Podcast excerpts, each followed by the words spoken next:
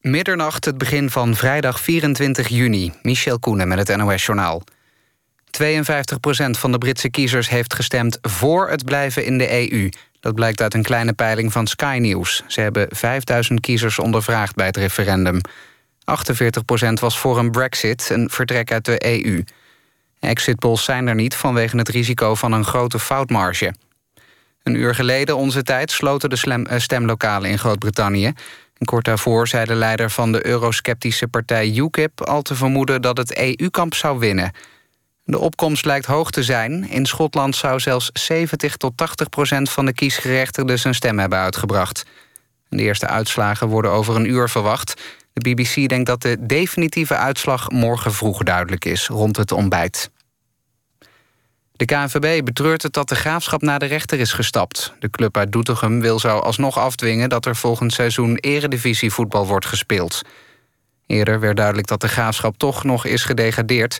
doordat FC Twente in de eredivisie mag blijven. De KNVB wil nu met de graafschap in gesprek. In Dordrecht hebben 10 tot 15 mannen vernielingen aangericht in een Turkse moskee... Twee mensen raakten lichtgewond toen ze door de mannen werden geslagen... met stalen pijpen en een vuurwapen, meldt RTV Rijnmond. Aanleiding zou een PKK-vlag zijn geweest bij een Koerdisch gezin. Die hing op omdat een dochter was geslaagd voor haar examen.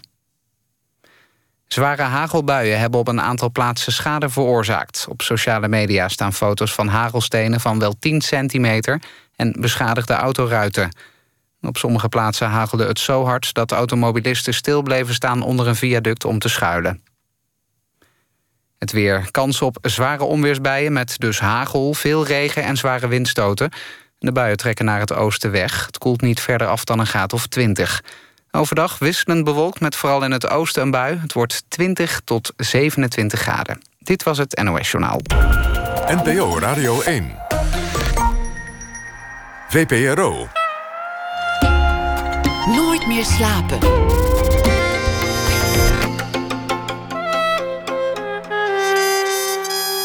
Met Pieter van der Wielen. Goedenacht en welkom bij Nooit meer slapen. Een stad waar weinig gebeurt, behalve dat het er af en toe wat regent. En een man die in die stad, in die waterpoel, de bodem raakt. Het album van Frank Sinatra, Watertown. Club Helmbreker maakte op de parade een voorstelling over die plaat. Een ode, noemen ze het zelf. Rijn-Jan Mulder wilde ooit in 1974 ons regenachtige land vastleggen... maar dan volledig objectief, zonder enig waardeoordeel. daar moest hij eerst een methode voor bedenken. Willekeurige punten op de kaart die hij allemaal fotografeerde het is nu een tentoonstelling in het Rijksmuseum en Rijn-Jan Mulder komt erover vertellen na ene.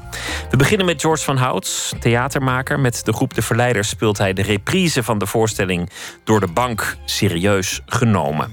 Een voorstelling die lovende recensies ontving, volle zalen trok, maar die ook bijvoorbeeld het parlement haalde, instemming kreeg van prominente financieel deskundigen en zelfs heeft geleid tot een ware volksoproer. Er zit ook een betoog achter. Het scheppen van geld, het creëren van nieuw geld moet anders.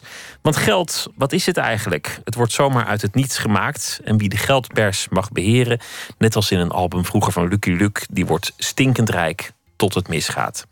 Er ligt ook de vraag onder de vraag waar het allemaal mee begint. Wat is geld eigenlijk nog en wat is het waard? Het past in het uh, oeuvre inmiddels in de reeks van de verleiders. Eerder maakten ze een voorstelling over vastgoedfraude, over boekhoudfraude. En vanaf september komt er ook een nieuwe, die gaat over de zorg. Theater gemaakt vanuit verontwaardiging. Een nieuw genre zou je het kunnen noemen, want het houdt ergens het midden tussen cabaret, tussen een college, tussen een volksoproer en een manier om de wegkijkende, soms vrijwillig onwetende burger bewust te maken. Want die onwetende burger wordt permanent gepiepeld. Dat is het vertrekpunt. George van Hout zelf wordt ook even goed gepiepeld, want daar begon de verontwaardiging ooit. Toen zo'n gladde verleider hem een loodzware woekerpolis in de maag had gesplitst.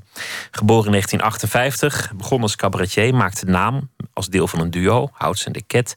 Regisseur, acteur en verder was hij ook een van de makers van het onvolprezen Radio Bergijk. En, ik weet niet waarom ik het zeg, maar ik vind het interessant, hij is een vervent zeiler.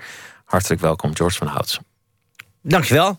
Ja, laten we beginnen maar dan meteen met die, die, die gladde verleider die jou in der tijd een, een maar, ja, ik, moet even iets, ik moet even iets rechtzetten. Wat je in de prachtige inleiding, maar geld wordt niet alleen uit het niets geschapen. Geld is schuld. Geld is per definitie schuld. Geld is per definitie schuld. En dat is wat er nou gierend uit de klauwen aan het lopen is. Want als jij, als jij eh, een, een tientje krijgt, reiskostenvergoeding door de NPO betaalt, omdat je, dat je helemaal uit Groningen hierheen bent komen fietsen, dan is dat eigenlijk een schuldbrief. Dat briefje, dat tientje, dat is eigenlijk een, een soort schuld van degene die het jou Nee, geeft. het is ooit als schuld ontstaan. Al het geld wat eh, in de wereld geschapen wordt, in de westerse wereld, wordt geschapen door commerciële banken. Dus voor iedere euro bezit staat er ergens een euro schuld in de boeken. En dat is wat er mis is aan ons geldstelsel. Dus het is. eh, je kan ook andere soorten geld hebben die eh, ook uit het niets ontstaan, maar die geen schuld zijn. Bitcoin bijvoorbeeld kan je ook zien als geld, de cryptocurrency, maar is geen schuld tegelijkertijd. Of als je, als je gewoon zou betalen in, in goud, dan, dan zou het ook niet een schuld Dat zijn. is ook geen schuld, nee. Dat heeft op zich een intrinsieke waarde. Dat is de goudwaarde in de munt. Maar geld is een, geld is een fictie. Er was een, een paar jaar geleden, eh, dat was toen een, een hele dag nieuws en daarna een, een hele eeuwigheid weer vergeten. Toen was er een, een computerprobleem bij de banken, waardoor iedereen een ander saldo op het schermpje van de pinautomaat kreeg. En mensen die, die flipten gierend blauw uit, uit, uit de klauw, want, want die zagen ineens dat ze geen geld meer hadden of geld hadden dat ze Nee, niet je hadden. hebt geen geld op de bank ook. Dat is weer zo'n misverstand. Wij vertellen in die voorstelling tien dingen die mensen niet weten. Je hebt helemaal geen geld op de bank. De bank heeft een schuld aan jou. De bank is er al lang vandoor met jouw geld. Die heeft het al lang weer aan iemand Die anders heeft het anders. eh, Nee, ja. weggegeven. Ja, Je zelfs geeft dat het- niet. Nee, je, je geeft ook je zeggenschap uit handen over je geld. Je, je- dus daarom komt het dat als een bank failliet gaat, je je geld kwijt bent.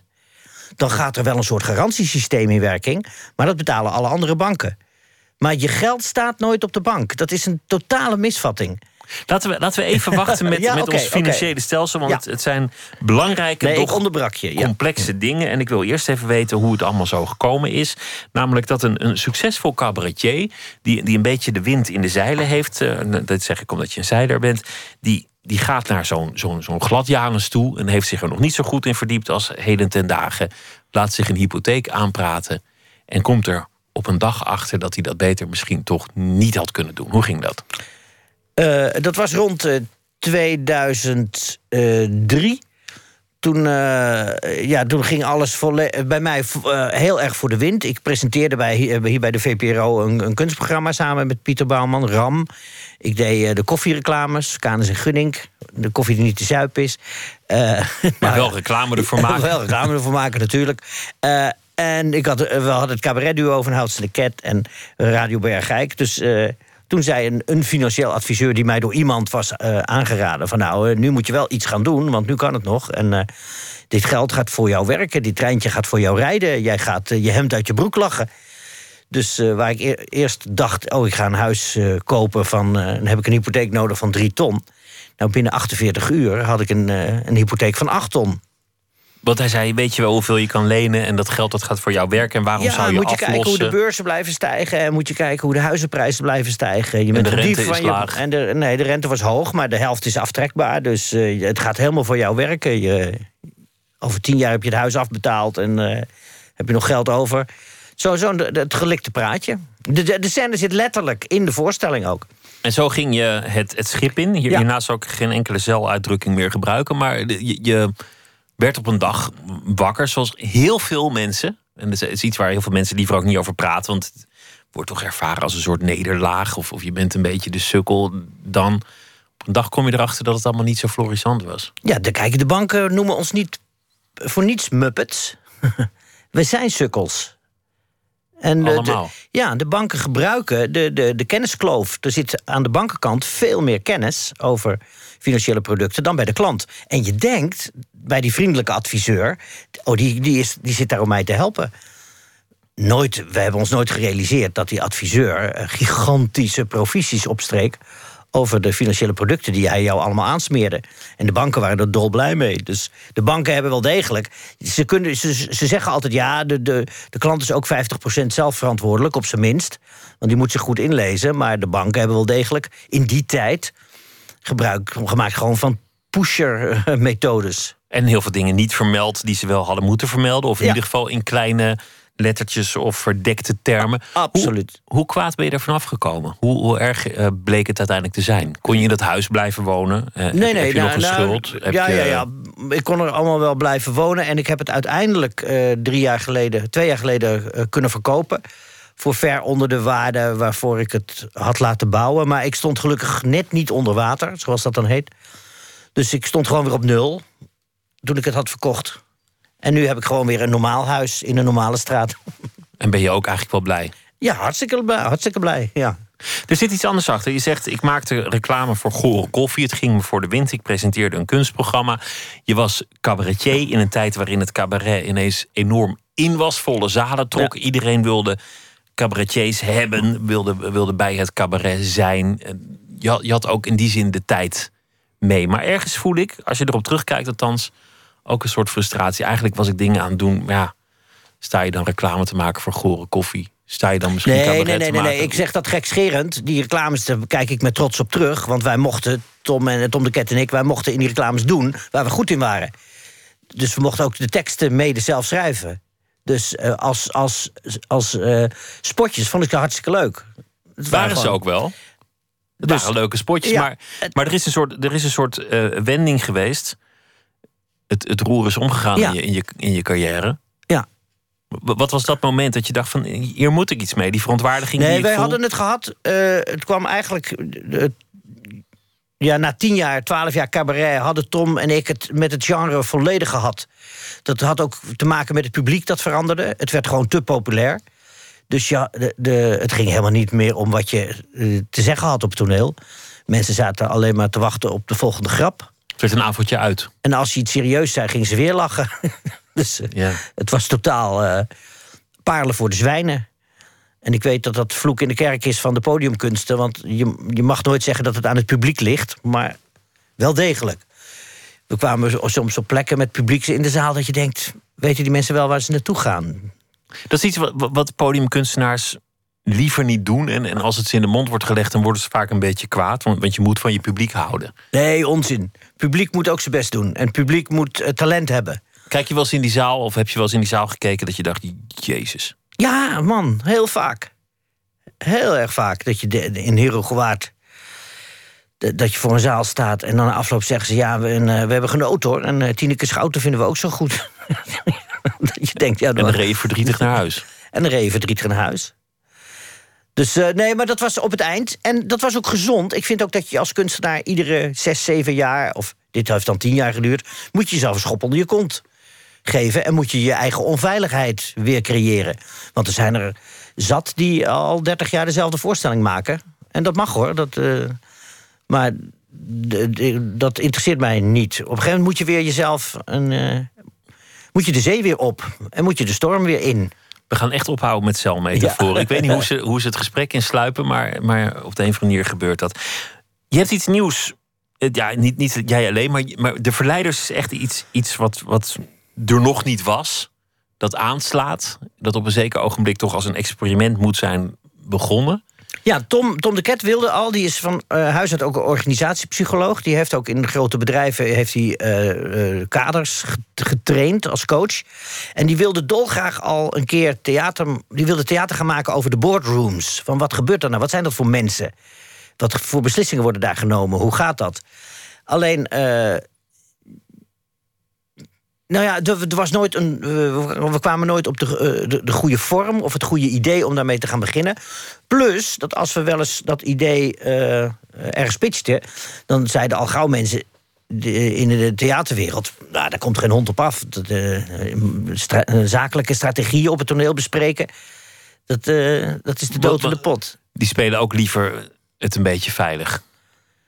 Ja, Programmeren liever al- iets waarvan ze zeker weten dat mensen erop afkomen. Een Ja. cabaretduo of een. eh, Ja. Ja, ja, maar op een gegeven moment had, zeiden wij... en nu gaan we het echt doen. We wilden echt Shakespeareaanse comedies maken... over waar de macht ligt. En over onze zakelijke moraal. En over onze financiële hygiëne met z'n allen. Hoe verdienen we in Nederland ons geld? Of in de westerse wereld? Zijn we daar nog blij mee? Hoe zijn we in godsnaam in die crisis terechtgekomen met z'n allen? Hoe... Dus toen hebben we een plan gelanceerd. We willen er drie maken. En dat willen we eh, in, als één pakket aan theaters verkopen. Van neem ze alle drie. En theaters die wilden het gewoon niet hebben. Die zeiden nee, De vrouwen kopen de kaartjes, dus die zitten helemaal niet te wachten op mannen in pak die eh, zakelijke rekensommen op het toneel gaan zitten uitleggen. Hoe is het dan toch uiteindelijk goed gekomen? Nou, Inge Bos, onze producenten en nu ook onze, ons partner bij de verleiders, die, die de zakelijke kant doet, die heeft daar heel erg voor gevochten. Die heeft. eh, en die heeft eh, ook mm, aan sommige theaters gezegd: Nou, dan ge- geef je ons maar van tevoren geen garantiesom. Eh, dan, dan is het, nemen wij 100% het risico. Geef de zaal maar gewoon aan ons. En dan zei de, de Schouwburg in Tilburg: Nou ja, kom maar. En doen een afloop het licht uit. Wij denken dat er geen hond komt. Maar het risico is 100% voor jullie. En dus toen heeft ze gevochten om toch een tournee voor elkaar te krijgen. Maar terwijl we zelfs acteurs als eh, Pierre Bokma en Victor Leuf in de, in de cast hadden, zeiden de theaters nog: ja, ja, ja, nou, eh, als er geen liefde in zit, of eh, als het niet een, een boek is dat door vrouwen veel gelezen wordt, wat jullie bewerken, dan komt er niemand. Nou ja, dat is een beetje flauw om het nu na vijf jaar nog steeds te zeggen, maar de, de geschiedenis heeft bewezen dat het, het publiek hier juist op zat te wachten. En de geschiedenis heeft ook laten zien dat het, dat dat het eigenlijk volkomen uit de klauw is gelopen. Dat, dat, dat er inmiddels experts zijn die jullie opvoeren als, als bewijsstuk voor hun theorieën. Dat het inmiddels eh, bij colleges getoond wordt, fragmenten uit jullie voorstelling. Dat, dat de Tweede Kamer erover debatteert. Dit is allemaal aan de hand. Het curriculum bedrijfskunde, het curriculum economiestudie wordt veranderd door onze voorstelling, mede. Kijk, en wij hebben het wiel niet uitgevonden. Hè? Wij, hebben het, wij hebben het communicabel gemaakt. Wij hebben het bij de bevolking gebracht. Want op academisch niveau wordt de discussie over geldcreatie al honderd jaar gevoerd. Alleen dat kwam nooit bij de bevolking terecht. En er waren natuurlijk partijen, de banken, die er alle baat bij, ja, die er baat bij hadden om ons onwetend te houden. Maar zelfs eh, ja, de economieleerboeken worden veranderd. Want het werd de studenten altijd fout geleerd. Jullie hebben er goed in verdiept, maar jullie zijn niet uiteindelijk de deskundigen. Jullie zijn ook geen politicus. Je hebt in Italië Beppe Grillo, die toch ooit begon als Ja. een theatermaker. Ja. Is dat hetzelfde traject waar jij nu voorzichtig aan Nee, er wordt me heel vaak geraakt? gevraagd: van, waar ga, ga, gaan jullie, ga je nou ook de politiek in? Maar ik blijf theatermaker. Ik vind dat veel te leuk en dat is mijn kracht. En ik ben bang dat ik in de, als ik in de politiek ga, word ik vermorzeld, vermalen door. Dat is een heel ander vak. En dat kan ik niet, denk ik. In 2008 werden heel veel mensen wakker. Die, die werden gewoon wakker van. eh, Ik vond het ingewikkeld, of ik heb weggekeken. Of ik heb gewoon getekend omdat ik dacht: nou ja, die man die, die, die ziet er wel plausibel uit, of hij zal het wel weten. En ineens bleek het belangrijk. Maar ineens bleek ook dat er allemaal krachten zijn die groter zijn dan het systeem aan kan. Banken die helemaal niet om kunnen vallen, ook al zijn ze failliet. Ja. Dingen die niet kapot kunnen. Too big to fail, las je ineens overal. Ja, we worden gegijzeld. We zijn, Door- ge- de democratie is afhankelijk geworden van de financiële sector. Wordt ook Ja. gewoon gezegd. Ik hoorde Ja. het vorig jaar eh, Jeroen Dijsselbloem op de radio zeggen in de Griekse crisis. We kunnen niet met een oplossing komen die de financiële sector niet slikt. Ja. Daar, daarmee zei hij eigenlijk wat de democratie ook beslist. De bank beslist mee. Nee, de bank beslist. De bank beslist. Oké. Het is veel erger dan dat. De- we worden, er wordt nu zand in onze ogen gestrooid. De economie zou weer beter gaan. Maar dat is allemaal schuldgedreven. De staatsschuld is sinds 2008, dus in negen jaar, is die verdubbeld. Van 250 miljard naar bijna 500 miljard nu. Dus het- er wordt ons, we worden weer in slaap gesust. Iedereen rent weer naar zijn hypotheekadviseur, want wil weer een huis kopen. De huizenprijzen gieren alweer uit eh, de pan. Maar het is allemaal weer extra schuld op schuld op schuld op schuld. Er gaat helemaal niks beter. Het gaat zelfs, het gaat veel slechter. Er staat ons een ramp te wachten, vooral in de financiële wereld, die, waarbij eh, eh, de, de, de crisis in 2008 een, een, een fris lentebriesje was. Zo, nou dat is, eh, dat, dat is een mededeling waar, we- waar, we het, waar we het even mee kunnen doen. Die geldcreatie. Iemand moet het doen. Dit is een probleem, hoe je het ook doet, volgens mij, waar je tegenaan zult lopen. Iemand moet het geld drukken. Stel het je Ja. voor, gewoon, gewoon als een striptekening, want dat is lekker overzichtelijk. Je hebt een pers en daar komen biljetten uit. Degene die de pers in zijn handen heeft, die heeft natuurlijk de verleiding om lekker veel te drukken, want dan is die zelf rijk. Dus daar, daar moet je een mechanisme voor bedenken dat niet te makkelijk corrumpeerbaar is. Laat je het over aan politici, dan, dan is de traditionele theorie, dan gaan die geld drukken, want dat levert populariteit op. Ja. Dus dat is niet verstandig. Laat je het over aan de banken. dan zullen die datzelfde doen, maar dan met als oogpunt. Ja, die doen het nu 300 jaar en die hebben het volledig uit de klauwen laten lopen. Want hoe gaat het in praktijk? Leg eens uit hoe, hoe volgens jou, als je het helder moet uitleggen, geld eigenlijk tot stand komt. Geld wordt alleen maar geschapen in de vorm van schuld. Leningen, kredieten. Dus eh, als ik eh, iets wil beginnen, een bedrijfje, en ik leen, eh, wil 100.000 euro lenen, dan heeft een bank dat niet liggen. Nee, een bank schept dat op dat moment. Die typt gewoon in de computer 100.000. En dan is dat geld er. Dat geld was er niet, dat is niet zoals je het altijd leert op school. Andermans geld. Nee, dat, dat we hebben tot vorig jaar de banken altijd nog eh, ons willen eh, laten geloven. Dus ze zeiden altijd: nee, een bank neemt spaargeld in en leent dat uit aan. eh, dus een soort middleman tussen spaarders en, en leners. Maar er is niets van waar. Ze maken gewoon nieuw geld. En het vreemde is ook. Eh, en altijd alleen maar als schuld. En als je je schuld afbetaalt, verdwijnt dat geld ook weer uit de geldhoeveelheid. Dat is het vreemde. In tijden van hoogconjunctuur gaan banken dus heel veel geld uitlenen. Waar ze heel veel geld aan verdienen ook. En in tijden van laagconjunctuur, dan gaan ze op de rem staan. En dan is er opeens helemaal geen geld meer. Moet, gaat iedereen zijn schuld afbetalen. En dan komt er geldkrapte. Nou, en dat komt omdat banken werken met winstoogmerk. Het zijn gewoon commerciële bedrijven. Dus als er vraag is naar geld, dan creëren ze geld. En als er geen vraag is naar geld, dan doen ze het eventjes niet. Ja, ja, net ja, net ja. zoals een bakker brood bakt eigenlijk. Ja. Een, bakker die, die maakt brood omdat jij erom Het geld vraagt. zelf is een commercieel product. Terwijl in de, in de oorsprong van geld is het een, eh, een smeermiddel voor de economie. Het is waardeoverdracht. Het is een oppotmiddel. Het is. eh, en, en, en geld hoeft niet altijd schuld te zijn. Je noemde net al eh, een goudklompje of een, gouden munt. Ik noemde de bitcoin. Er zijn heel veel soorten van geld die geen schuld zijn. Maar wij zitten helemaal vast in dat schuldgedreven systeem. Doen we ook een beetje zelf, zoals, zoals jij daar zat en, en tekende Nee, met nee, nee, nee, nee, nee, dat doen we niet zelf. Nee, nee, nee. Dat Oh, je is hebt het- je op je minst laten verleiden. Ja, er, is geen andere manier. Er- is, alle geld is schuld. Er is geen andere manier. Geld, als je geld hebt, je hebt iets op je rekening staan, je hebt het verdiend, dan, dan nog doe dan je is dat bij eigenlijk iemand anders een schuld. Juist. Dan is dat ergens een schuld. Maar je kunt op zijn minst stellen dat, dat de consument mede verantwoordelijk is voor, voor de Nee, nee, situatie. nee, dat is niet waar. Dat wordt ons aangepraat. Dat is niet waar. De politiek die zei jong, in de 70, 80 jaar... jongens, koop allemaal een eigen huis... want het eigen huizenbezit dat is eh, beter voor onze huizenvoorraad. Dus leen vooral, wees niet bang voor de toekomst. Dat was natuurlijk aangedreven door de banken. En natuurlijk, niets menselijks is ons vreemd. Dus als het makkelijk kan, dan doen mensen dat. Maar wij weten niet dat het een perfide systeem is. Jullie doen ook, want, want daarin gaan jullie als theatermaker nog net een stap verder dan alleen maar iets uitleggen en, en aanhangig maken bij, bij jullie publiek. Jullie doen ook een voorstel. Ja. Jullie hebben ook een, een petitie ingediend. Jullie, Nou, jullie zijn ook naar, naar het parlement gegaan om, om daarvoor te pleiten. Wat is dat voorstel? Eh, even een paar stappen terug. Eh, wij hebben het wiel niet uitgevonden. Ik ben nu, nu ook bestuurslid van een stichting. Die bestond al, Stichting Ons Geld. En daarin zaten een aantal academici... die al bezig waren met de geldhervorming. Alleen die voerden die discussie op academisch niveau. Dus dat kwam nooit bij de bevolking terecht. Doordat ik ze al googelend tegenkwam... heb ik heel veel informatie van hen gekregen... die ik verwerkt heb in de voorstelling. En samen met die stichting, Ons Geld... zijn we dat burgerinitiatief gestart. En die stichting, die, daar zitten allemaal hele knappe koppen in... die aan het promoveren zijn op het geldstelsel en zo. En die eh, hebben nu een voorstel... wat vreemd genoeg gebaseerd is op een voorstel uit 1934...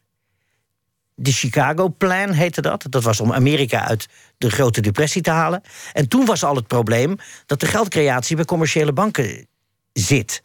Dus eh, eh, ook toen al is er geprobeerd om die geldcreatie in overheidshanden te nemen. Dus het kan. Het IMF heeft eh, een hele geleerde meneer, Koemhof, studie daarna laten doen. Hij is nu adviseur van de, de, de Bank of England. En die, daar ligt een, de, de- dat heet dan de Chicago Plan Revisited, een gemoderniseerd Chicago Plan. En we kunnen dit invoeren. Maar, ja, maar dan, de je, tegenmacht is gigantisch. want er zijn belangen, want iedereen verdient eraan. Maar dan nog hou je het probleem dat als je het bij de overheid legt, dat daar nog steeds een belang is om meer geld in omloop te brengen.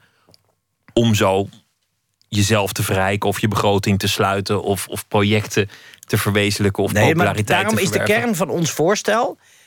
neem als overheid de geldcreatie eh, in handen... maar geef dat eh, aan een vierde macht. Wij noemen dat de vierde autoriteit. We, leven in de tijd, we hebben de trias politica, de drie machten...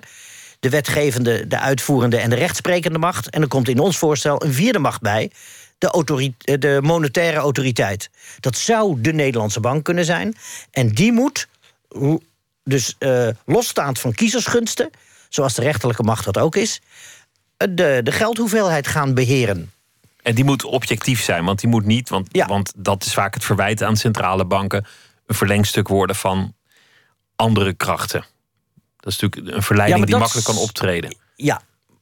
Maar goed, wij denken, en daar zijn studies eh, naar verricht, dat het in overheidshanden een rustiger beeld gaat geven dan dat we de geldcreatie in commerciële handen laten.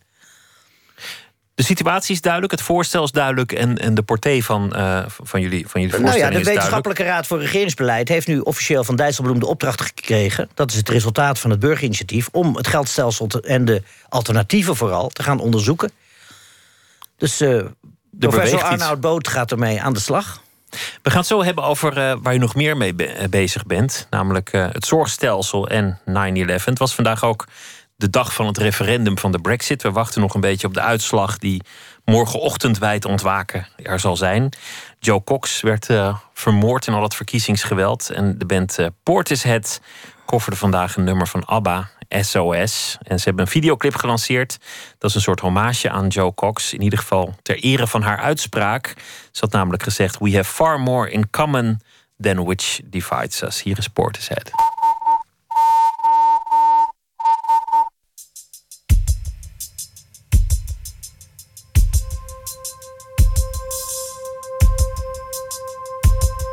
Where are those happy days?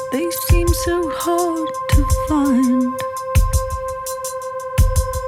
I tried to reach for you, but you have closed your mind. Whatever happened to our love? I wish I understood. It used to be so nice, it used to be so good.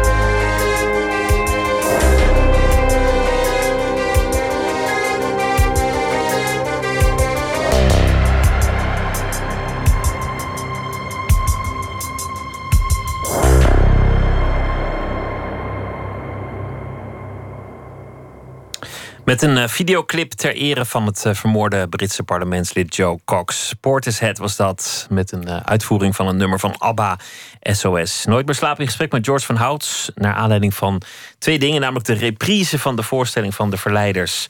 door de bank genomen. En eh, ook een nieuwe voorstelling over de zorg, die eh, Slikken of Stikken gaat heten. Nee, slikken en stikken. Slikken en stikken, nog erger. Vanaf september. Je, je zei één ding terloops en dat vond ik wel interessant, namelijk het, het, het besef dat je een sukkel bent. Het besef dat je eigenlijk gewoon gepiepeld wordt en dat, dat je gewoon een, een loser bent in dat, in dat grote systeem. Is, is dat hoe je bent opgegroeid? Wa- Was je, ben jij grootgebracht met, met de gedachte zoals sommigen dat hebben: van nou ja, weet je bent belangrijk in de wereld, weet hier, hier sta je. Wa- Was je vader een, een winnaar in het leven? Wa- Was je zelf als jongetje al een winnaar? Nee, nee, nee, nee, nee, helemaal niet. Nee, nee, eh, mijn vader is ook ten onder gegaan aan het leven, het, het systeem. Gemangeld. Gemangeld, ja. Die, is, eh, die had een bedrijf, reclamebureau. Wilde altijd eerlijke reclame maken. Wilde geen... eh, dit wasmiddel was witter dan wit. Dat wou hij nooit maken. En door, eh, ja, door hoe het zakelijk ging, is hij overgenomen door een heel groot Amerikaans reclamebureau. En die hadden hem binnen twee jaar eh, en een hartaanval en een herseninfarct en failliet. Hij is, hij is op de een of andere manier op zijn werk ziek geworden. Ja, ja, doordat die nieuwe, en dat is eh, waar wij ook de voorstelling over laten gaan. Dat heeft en met de vastgoedfraude en het drama Ahold en door de bank genomen, hebben iets gemeen. Dat we voor de tachtiger jaren, de naoorlogsgeneratie, mijn vader, die, die deden zaken volgens de, het Rijnlandse model. Dat was eh, de, de erfenis van de oorlog en die verschrikking in, in, in hun vezels nog. Dat was eh, oog op de lange termijn. Eh, weinig risico nemen, goed voor je werknemers zijn, goed voor je klanten zijn en heel bescheiden qua eigen inkomen. Dat heette het Rijnlandse model. Dat is in de tachtiger jaren met Reagan en Thatcher. eh, is dat vanuit de, van over de grote oceaan en van over de Noordzee, uit de Anglo-Saxische wereld, is een nieuwe manier van zaken doen. Ons land eh, of Europa binnengetrokken. En dat is het Anglo-Saxische model. En dat is korte termijn, veel risico, slecht voor je klanten, slecht voor je werknemers. En heel alleen maar aandacht voor je eigen eh, inkomen. De snelle jongens, de gehaaide jongens. Ja, en De- vooral de harde. Het, hard, het harde, nare, het, het kille kapitalisme. Een vader die niet echt opgewassen is tegen de, de, de wereld, de maatschappij waarin die leeft en Nee. werkt. Dat, dat is een van de eerste beelden die in je leven in je, in je ge- gekerfd wordt. Je, Ja. je, je vader die, die gebukt ging onder, onder die krachten die ineens aan de macht kwamen. Jezelf, je bent, je bent niet de grootste. Dus, dus ik neem aan dat jij op, op, qua, qua postuur, qua, qua lengte. Je bent, je bent Nee, niet, ik ben enorm 1,68 meter. lang. dus dat is, ik ben heel, heel klein in alle gezelschappen. Nou zijn de kleintjes soms ook, ook de, worden dat juist de vechters, de Napoleons, de, de Nicolas Sarkozy's. Ja. Maar op het schoolplein was jij, was jij niet de zilverrug, denk ik. Nee, helemaal niet. Nee, nee, nee, nee. Nee, nee ik was klein, eh, eh, een, klein, een klein angstig ventje. Angstig? Astma-leider. Ja, ik ben heel lang bang geweest tot mijn... eh, dat heeft wel tot mijn 28ste geduurd. Wat voor angst had je dan? Ja, voor alles. Nee, vooral de angst om een sulletje gevonden te worden. En dan word je ook een sulletje. Ja, dat is, dat is, je een, doet het jezelf aan. dat is een lelijke cirkel waar je in verzeild raakt. Ja, ja. en dan heb ik allerlei eh, eh, ja, spoken moeten verslaan om, om dat nu niet meer te zijn. Wat, wa- wat waren de momenten dat je je het meest een sulletje voelde? Eh. wat, wat, wat- hoe zagen die angsten er concreet uit? Het, het, het sukkelmoment. Nee, dat je gewoon de. de, de je, je was, je, ja, ik was geen voetballer of geen eh, vechtersbaas of geen zuipschuit of geen meidenversierder. De anti-held. De anti, ja. Maar geen eens een held, gewoon anti. Gewoon anti. gewoon. Anti-sulletje. En je, je zei, ik, ik heb die spoken moeten overwinnen. Hoe, hoe ga je dat dan te lijf? Hoe gebeurt dat? Nou, was, was het dat je veel- grappig werd? Dat dat je op Ja, ja, ja. Dus ik ontdekte de humor. Zo rond mijn achttiende. Ik ontdekte dat het heel erg leuk was om op een podium te staan. Eh, en dat, dat er daar ook wel e- eh, enig talent zat. Maar het heeft nog heel lang geduurd. Ook na de toneelschool. Ook, het heeft pas, pas rond mijn 2, 33ste... Dat ik, eh, dat ik echt iets mee kon doen. Waar ik me later niet voor schaamde. Dat je op een podium kon staan en daar ook dingen kon maken die, die paste bij wa- wat je was. Ja, dus eerst denk je, ik moet alleen maar, ze moeten me leuk vinden, ze moeten me leuk vinden. Dus ga je. Waar is die eh, lach? Ja, precies. Je gaat eh, entertainen, je gaat de mensen pleasen. En dan word je vals. Dan, dan ga, dan, dat is, word je een valse kunstenaar. Dan, wil, dan maak je wat, wat, wat je denkt dat de mensen van je willen zien. En dat, dat is een lange weg om daar te komen dat je eindelijk durft daar te gaan staan. En zo kaal mogelijk te zeggen: en dit vind ik. En dan is je, is je vakmanschap om het dan ook nog entertaining te laten zijn. En dat de mensen ook nog af en toe in de lach schieten of zich kapot schrikken. Maar het moet wel eh, ja, genuine, het moet wel eh, oorspronkelijk van jezelf zijn. En dat, dat is een hele lange weg. Dat, dat vreet aan. Had je, had je ook middelen nodig om je angsten te overwinnen, om de wereld tegemoet te treden? Ja, ik ben, eh, ik ben tussen mijn 24ste en mijn 28ste ben ik op het randje geweest qua cocaïnegebruik. En je drank. het bij uitgaan of, of ook al bij, bij koopavond in de blokker? Nee, op op een gegeven moment echt wel vier, vijf avonden in de week. Ja, Dan- dan moest ik zit- echt- Dan wordt, het wel, dan wordt het wel wat veelvuldig. Ja. En dat, Maar- was het ook echt om, om jezelf moed, moed in te Ja. snuiven om, om, Ja. om de wereld in ja, te gaan? Ja, ja, ja. Maar de- ik heb daar rigoureus mee gebroken door, eh, ja, ik, sorry, ik moet het zeggen, door te gaan zeilen. Dat vind ik wel moedig, want, want zeilen, dat is dan weer een van die dingen. Ik eh, dat vind ik eng. Ik vind, ik vind ze- zeilen eng, en zeker op, op, op zee, want je zit in zo'n klein bootje en die zee is immens groot. Het is, het en is een eng. grote golf en je slaat om en je verdrinkt. En, en nou ja, haaien zal nog wel meevallen, maar ik, vind- dat vind ik van moed getuigen. Ja, iedere keer om het zeegat uit te varen... moet je toch jezelf een schop onder je kont geven. Want het is heel lekker veilig om een smoes te verzinnen... om lekker niet uit te varen. Dus je moet altijd wel, toch wel weer de beslissing nemen... om eh, bij IJmuiden eruit te gaan. Om de veilige grond, de veilige haven te verlaten Ja. en, en, en die wereld in te gaan. Maar ik zal je even iets vertellen. Wat, waarom ik. eh, ik was dus eh, nou, verslaafd aan cocaïne. Ik wilde er vanaf. En mijn bankdirecteur, toen, toen bestond dat nog. Dat was een ABN op de Overtoom. En die bankdirecteur, vanuit mijn toneelschooltijd, die kende ik al een jaar of zes. En ik wist, die had een verslaafde zoon. En die, die woonde in het pand de Lucky Luik, de Jan Luikenstraat. En die, die jongen was zo verslaafd, echt zo'n zware, eh, zwart geverfde punker.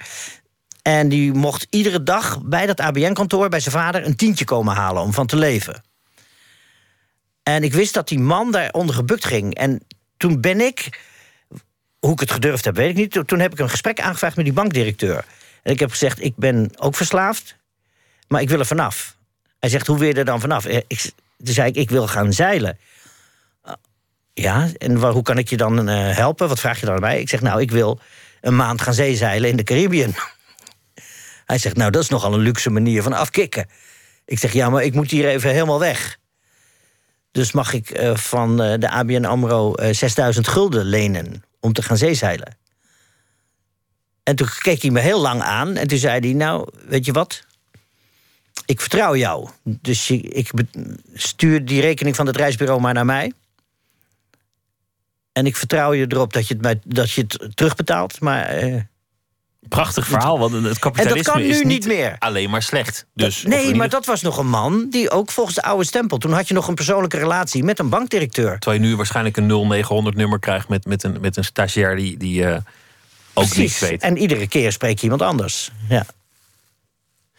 Dan ga je zeilen naar, naar de Cariben. Een, een, een, dan heb je al heel wat overwonnen. Want je bent gestopt met snuiven, je bent gaan zeilen. Je, je, je bent de wereld tegemoet aan het treden. Nee, dat- ik stapte nog niet uit in de Caribbean. Of er werd cocaïne aangeboden. Want die eilanden barsten van de kook. En kon je die verleiding weerstaan? ja, die kon ik eh, weerstaan. Nou, dan weet je dat je clean bent. Ja, ja, ja, ja. ja. De, ja, ja, ja, ja. Ja, dat toch? is gelukt. Ja, ja dat, is gelukt. Je bent, eh, je, je bent uiteindelijk, want, want dat is eigenlijk wel een bekend verhaal. Je bent cabaretier geworden, eerst toneelschool, eh, het toneel gaan maken, ook, ook gaan regisseren. En toen in, in die cabaretwereld op die planken eh, eh, komen te staan. En hier slaan we een stap over. Je, je, je vrouw is overleden een aantal jaar geleden. En je hebt aangegeven, laten we, het, laten we het er niet meer over hebben. We willen verder. Ja. Het is mooi geweest. Ja. Je, hebt, je hebt er veel over verteld en ik, ik, ik respecteer dat. Ja. Op een gegeven moment moet je, moet je er gewoon moet je dingen Ik ben twee even- weken geleden getrouwd. Gefeliciteerd. Met een, ja, met een heerlijke nieuwe liefde. Prachtig. Dus, eh, ja, heel mooi. Wat mooi. Wat er wel is gebeurd onderweg, om, omdat je dat van nabij hebt meegemaakt als, als iemand ziek is, is dat je, dat je terecht bent gekomen in de wereld van de zorg. Een wereld waar we allemaal vroeg of laat in terecht zullen komen. Door ouderdom, door kwaaltjes, door ziekte, door, door, eh, door, je, door je moeder, door je oma, door je tante. Allemaal komen daarin terecht. Ja. Dat is nu een nieuwe voorstelling geworden, die in september eh, eh, zal gaan draaien. Ja, en de, nou, nou, eigenlijk is de inspiratiebron daarvoor is mijn vader. Want die heeft een eh, heel erg lang moeilijk ziekbed gehad. En die was echt met herseninfarcten. En die heeft vier jaar in een verpleeghuis in een rolstoel ja, gehangen. Eh, en die werd daar af en toe uit wakker. En dan besefte hij weer wat, wat zijn toestand was. En dat was werkelijk mensonterend. Dat is, dat is de zwaarste periode eigenlijk uit mijn leven geweest om mijn vader zo te zien lijden. En terwijl hij maar in leven gehouden werd. Hij mocht niet dood. Want dat is een van de dingen die je in bepaalde hoeken van, van ons zorgstelsel zult ontmoeten. Namelijk, je mag niet dood. Ja, Je wordt aan dat, aan dat leven vastgespijkerd. En, en dat is waarom eh, nou, de voorstelling Slikken en Stikken... zal natuurlijk voor een groot deel gaan over de, de afschuwelijke macht van Big Pharma... de grote farmaceutische bedrijven... en de toenemende macht van de zorgverzekeraars. Eh, maar die kunnen zo makkelijk eh, ons uitknijpen, letterlijk uitknijpen. We, we zijn nu al 15% van het BBP kwijt aan de zorgkosten... en dat gaat nou, binnen vijf jaar naar 25%. Want als ze zeggen bezuinigen op de zorg, dan bedoelen ze eigenlijk alleen maar die stijging afremmen. Ja, het blijft stijgen. Het blijft gierend uit de klauwen lopen. Maar we zijn ook een makkelijk slachtoffer... omdat wij eh, niet dood wensen te gaan. Omdat we niet gewoon netjes loslaten wanneer, wanneer de tijd daar is. ja, ja, ja. Waarom moeten we nou... Waarom moeten we 120 worden? Het is toch voor onzin? Geef ze antwoord, weet je het zelf? Waarom, waarom moeten we 120 worden? Waarom klampen we zo aan het leven? Nou ja, dat is, dat hebben we, cultureel hebben we dat ons... eh, sinds de ontkerkelijking, toen, het de grote, toen de, beloning, de grote beloning na het leven lag, de hemel...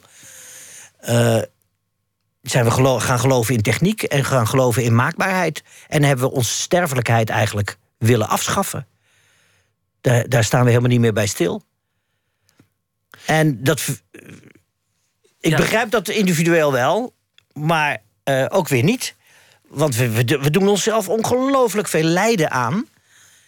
En nog eens een keer eh, financieel krom liggen. Omdat eh, we die laatste tien jaar maken we al onze zorgkosten op. En dat zijn niet de gelukkigste jaren. En die zorgkosten zie je ook vaak niet direct. Je ziet je premie stijgen. Een, een deel zie je ook niet, want dat is verscholen op, op dat loonstrookje. Je ziet alleen dat dat netto loon een beetje achterblijft bij de gedroomde ontwikkeling. Je ziet dat je belastingdruk een beetje aan de hoge kant is, wellicht. Maar wat je niet ziet, is, is hoeveel sommige kuurtjes kosten. Wat, wat een chemokuur niet kost, zo'n pillenstrip. Ja, en dat is werkelijk, ja, dat is echt misdaad. Dat is echt, nou ja, professor Gutje, die heeft een boek, eh, de, de, eh, de medicijnenmafia, de georganiseerde mis- misdaad. Heeft hij net een jaar geleden uitgebracht en die legt het heel mooi uit. Het is echt maffia, het is misdaad. Ze maken gebruik van het feit dat wij lijden en dat wij pijn, eh, dat we ziek worden. En ze kunnen een pil ontwikkelen voor 1 dollar en die verkopen ze ons voor 50.000 dollar. Dus als je bij de bank wordt gepiepeld op het moment dat ze je zeggen... je gaat je de hemd uit het broek lachen als je ziet hoeveel geld ik jou kan uitlenen... kijk eens wat een mooi huis aan het water ook nog. Dat is Waarom verleiding. Dat is verleiding. verleiding. En, en de pharma doet het via doodsangst. Dus die, die, die knijpen je uit omdat je bang bent voor de dood. Ben jij de sukkel die in opstand is gekomen? De sukkel die het niet meer pikt? Die zegt tot hier eh, en niet verder en nu ga ik de strijd aan? Ja, maar ik probeer daarin wel mijn humor te blijven behouden. Ik word geen verbeten eh, strijder. Maar het wordt. Het, eh, Valt ik ga zwaar? wel. Valt het zwaar om die humor te bewaren? Zijn er momenten dat, dat je Ja, zelf ja, ja. Soms verbeterheid? als je, je, wordt, je wordt echt woest als je leest hoe prijzen bepaald worden voor medicijnen. Dat, dat farmaceuten dat niet doen aan de hand van productiekosten. Nee, de prijzen worden bepaald aan de hand van de te verwachten maatschappelijke weerstand bij welke hoogte van de prijs. Dat is ziek, dat is cynisch. Dat is misdadig. Dat heet winstmaximalisatie. Je verhoogt de prijzen net tot dat punt dat de opstand niet uitbreekt. Precies. Die voorstelling komt eraan. En dan ga jij zelf, los van de andere verleiders, nog een voorstelling maken over 9-11. De complottheorieën daarover. En nu komt een interessant moment. Jullie maken dit met een team, met, met eh, Pierre Bokma, met eh, Leopold Witte, met, met al die prachtige acteurs. Met, met dat van, fantastische team. En jij zegt, ik wil iets met die complottheorieën. En, en hier zeggen de andere jongens, ja, dat moet je echt even zelf doen. Dit gaat ons te ver, hier hebben wij geen trek in. Nu verlies je je. Ja, ik heb zelfs in de, in de hele vroege aanloop van Slikken en Stikken... heb ik gevraagd, eh, zullen we het onderwerp veranderen? Naar, naar, naar, complottheorieën. naar, naar de complottheorieën. En toen zeiden ze, nee, dat gaan we niet doen. En de ene kant omdat ze mij... eh, ja, Kijk, door de, de geldcreatie wilden ze dus ook niet geloven. En dan kon ik ze langzamerhand overtuigen dat het echt zo in elkaar zat.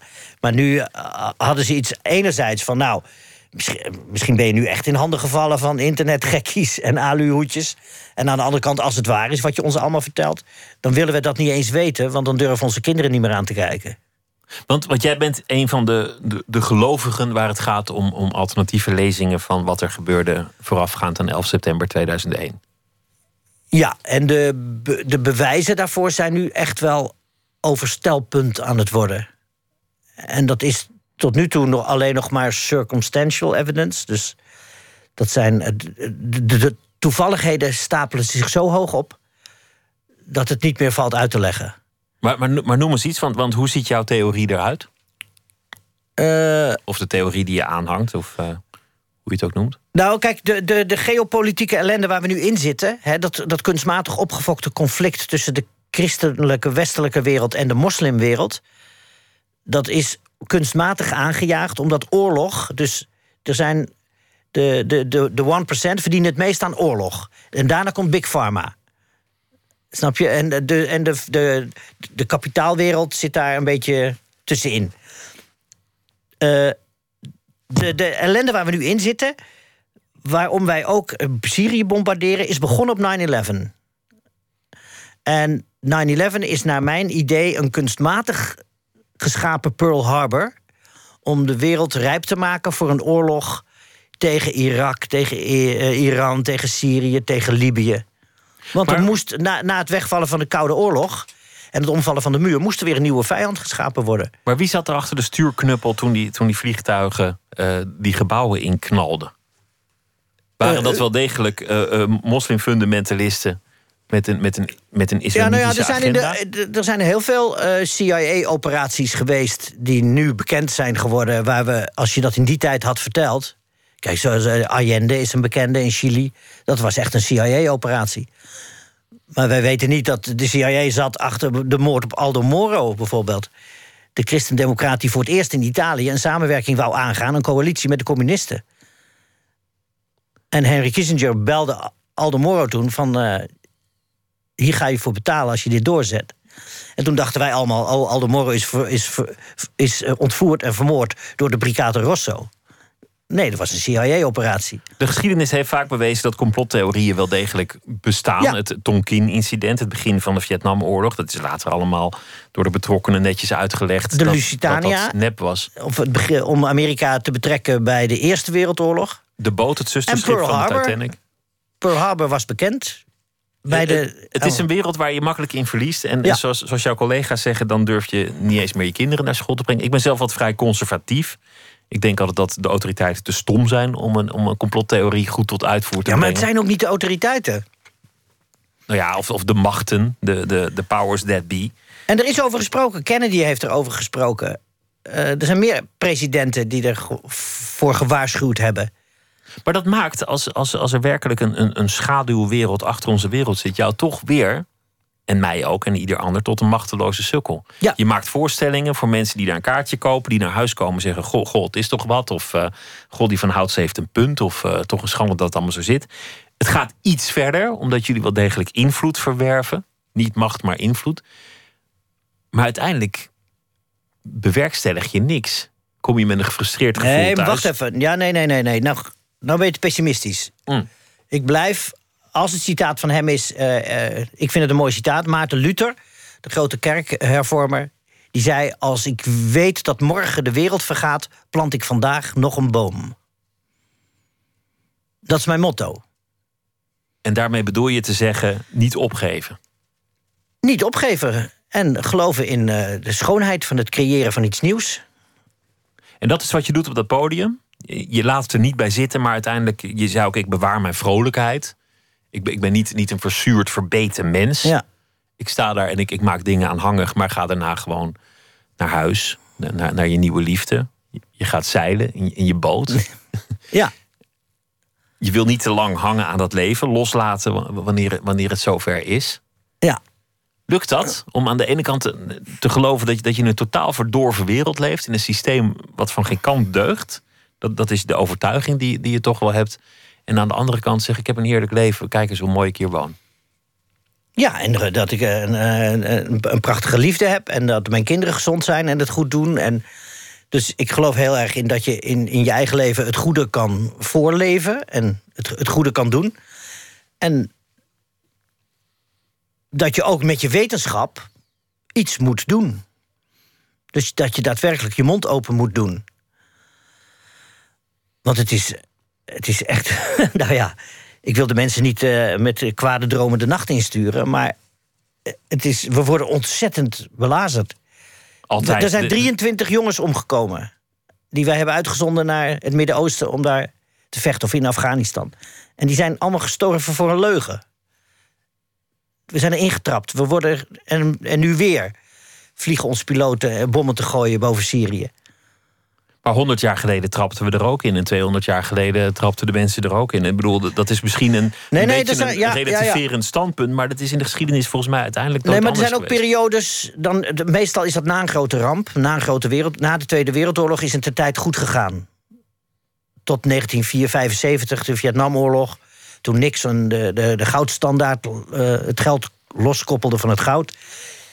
Toen is het weer misgegaan. Maar tussen 1945 en 1970 heeft de wereld, en ook de westerse wereld, heeft een heel bescheiden en goed, mooi eh, ja, systeem gebouwd. Nee, volgens mij was toen even verdorven. Met, met, met die Vietnamoorlog, met de Koreaoorlog, met, met die ja, de machtspolitiek is altijd, en de machinaties die erachter zitten, is, is een bepaalde mate van verdorvenheid geweest. Maar daarin heb je ook weer rustige perioden. En je hebt zoals nu, loopt het weer ja, gigantisch uit de klauwen. Wanneer, wanneer is het mooi geweest? Wanneer zeggen jullie met de verleiders? Want jullie hebben aanvankelijk gezegd het, het wordt een drieluik. Nou, nu wordt het een iets meer luik. En eh, wanneer zeggen jullie oké, mooi geweest, we gaan weer andere dingen doen? Eh na Slikken en Stikken staat deel 5 op de rails. eh, een jaar later. En die zal gaan over het niet meer functioneren van de democratie. En dan komen eigenlijk alle vijf, vierde onderwerpen bij elkaar. En dan ja, gaan we vertellen, ja, de democratie werkt niet meer. eh, Of heeft misschien wel nooit gewerkt. Is het altijd een façade geweest? Want dat is de kern. Dat is, dat is eigenlijk waar het vandaag ook de hele tijd over ging met de brexit. De onderliggende vraag is, wat is democratie? Wat willen we van een democratie? En hoe organiseer je een democratie? Ja, waarom het nou uit de klauwen loopt met het populisme... is omdat je altijd met de democratie de mensen de waan hebt gegeven dat ze zeggenschap hebben. En nu komen ze er langzamerhand achter dat die zeggenschap er helemaal niet is.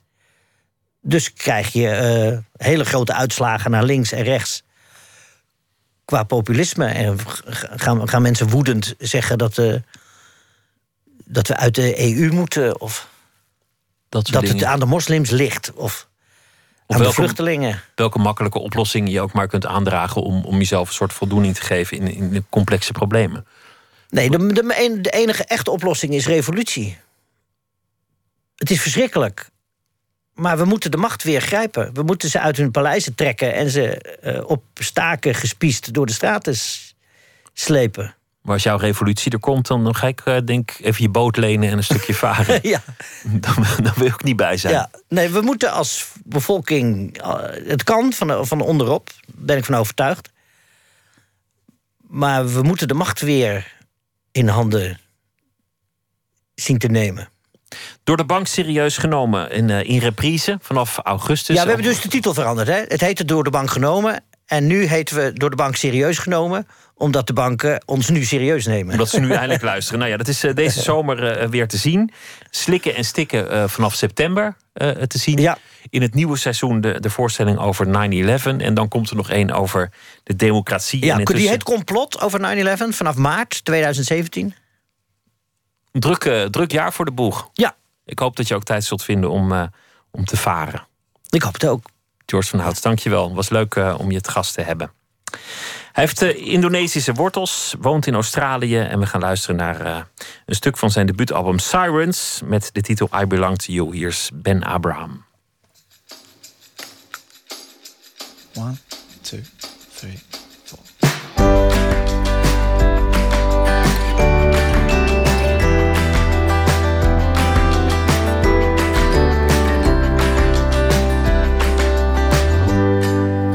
If I only knew the song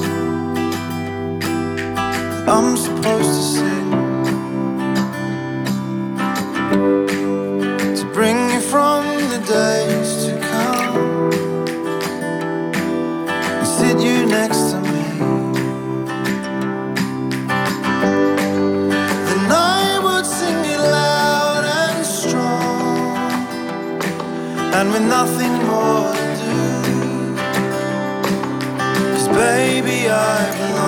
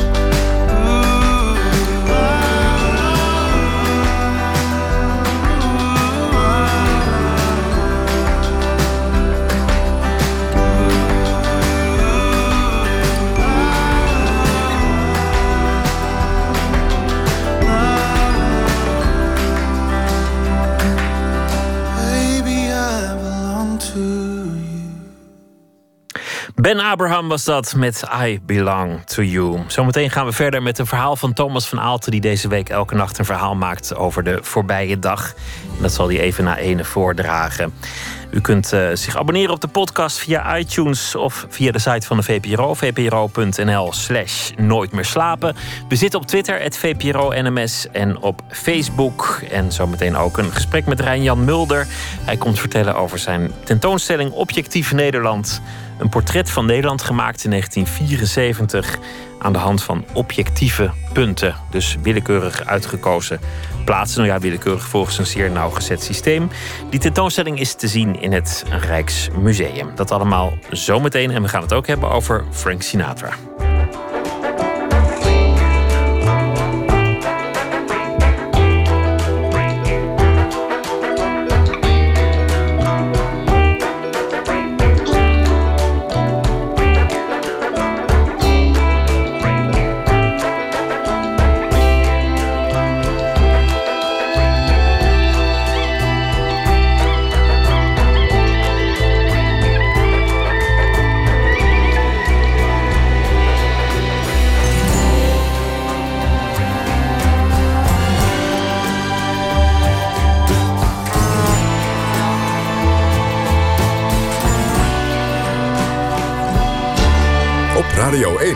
Het nieuws van alle kanten.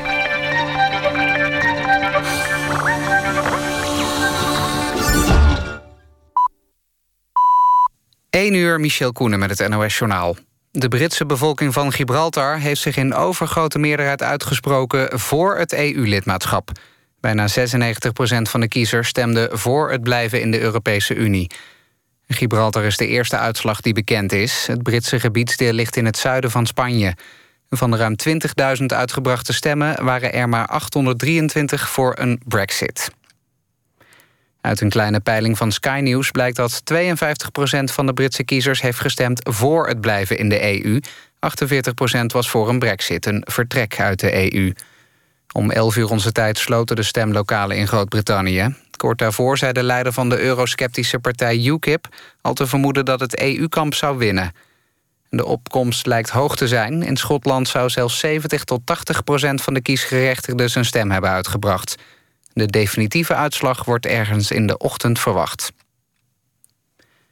De aangekondigde staking bij luchtvaartmaatschappij EasyJet gaat niet door. Het was de bedoeling dat Nederlandse piloten 24 uur zouden staken... de tweede staking in korte tijd. De Vereniging Nederlandse Verkeersvliegers heeft de actie geannuleerd... omdat er vandaag ook een kort geding is dat te maken heeft met de staking. En de KNVB betreurt het dat de graafschap naar de rechter is gestapt. De club uit Doetinchem wil zo afdwingen dat er volgend seizoen alsnog eredivisievoetbal wordt gespeeld. Eerder werd duidelijk dat de graafschap toch is gedegradeerd doordat FC Twente in de eredivisie mag blijven. De KNVB wil nu met de graafschap in gesprek. Het weer. Kans op zware onweersbuien met hagel, veel regen en zware windstoten. De buien trekken naar het oosten weg. Het koelt niet verder af dan een graad of 20.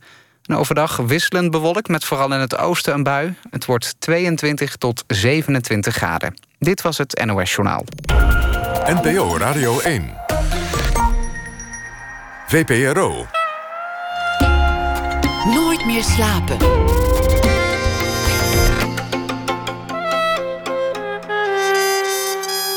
Met Pieter van der Wielen. Een ode aan het album Watertown van Frank Sinatra. Het verhaal van een man die is verlaten door zijn vrouw, achterblijft met de kinderen in een stad waar weinig beheert, behalve dat het af en toe regent. Die ode wordt gemaakt door een muzikantencollectief, Club Helmbreker, en is te zien op de parade. De mannen zijn zo aan het woord. Een schrijver, uitgever en beeldend kunstenaar, Rijn-Jan Mulder, komt langs naar aanleiding van een tentoonstelling Objectief Nederland, te zien in het Rijksmuseum. Hij wilde in 1974 het land zo objectief mogelijk vastleggen en ontwikkelde daartoe een methode. We beginnen met Thomas van Aalten, schrijver. Hij zal deze week elke nacht een verhaal maken bij De Voorbije Dag. Goeienacht, Thomas. Goeienacht. Hoe gaat het? Hoe was je dag? Ehm, nou, mijn dag ehm, eh, was op zich prima.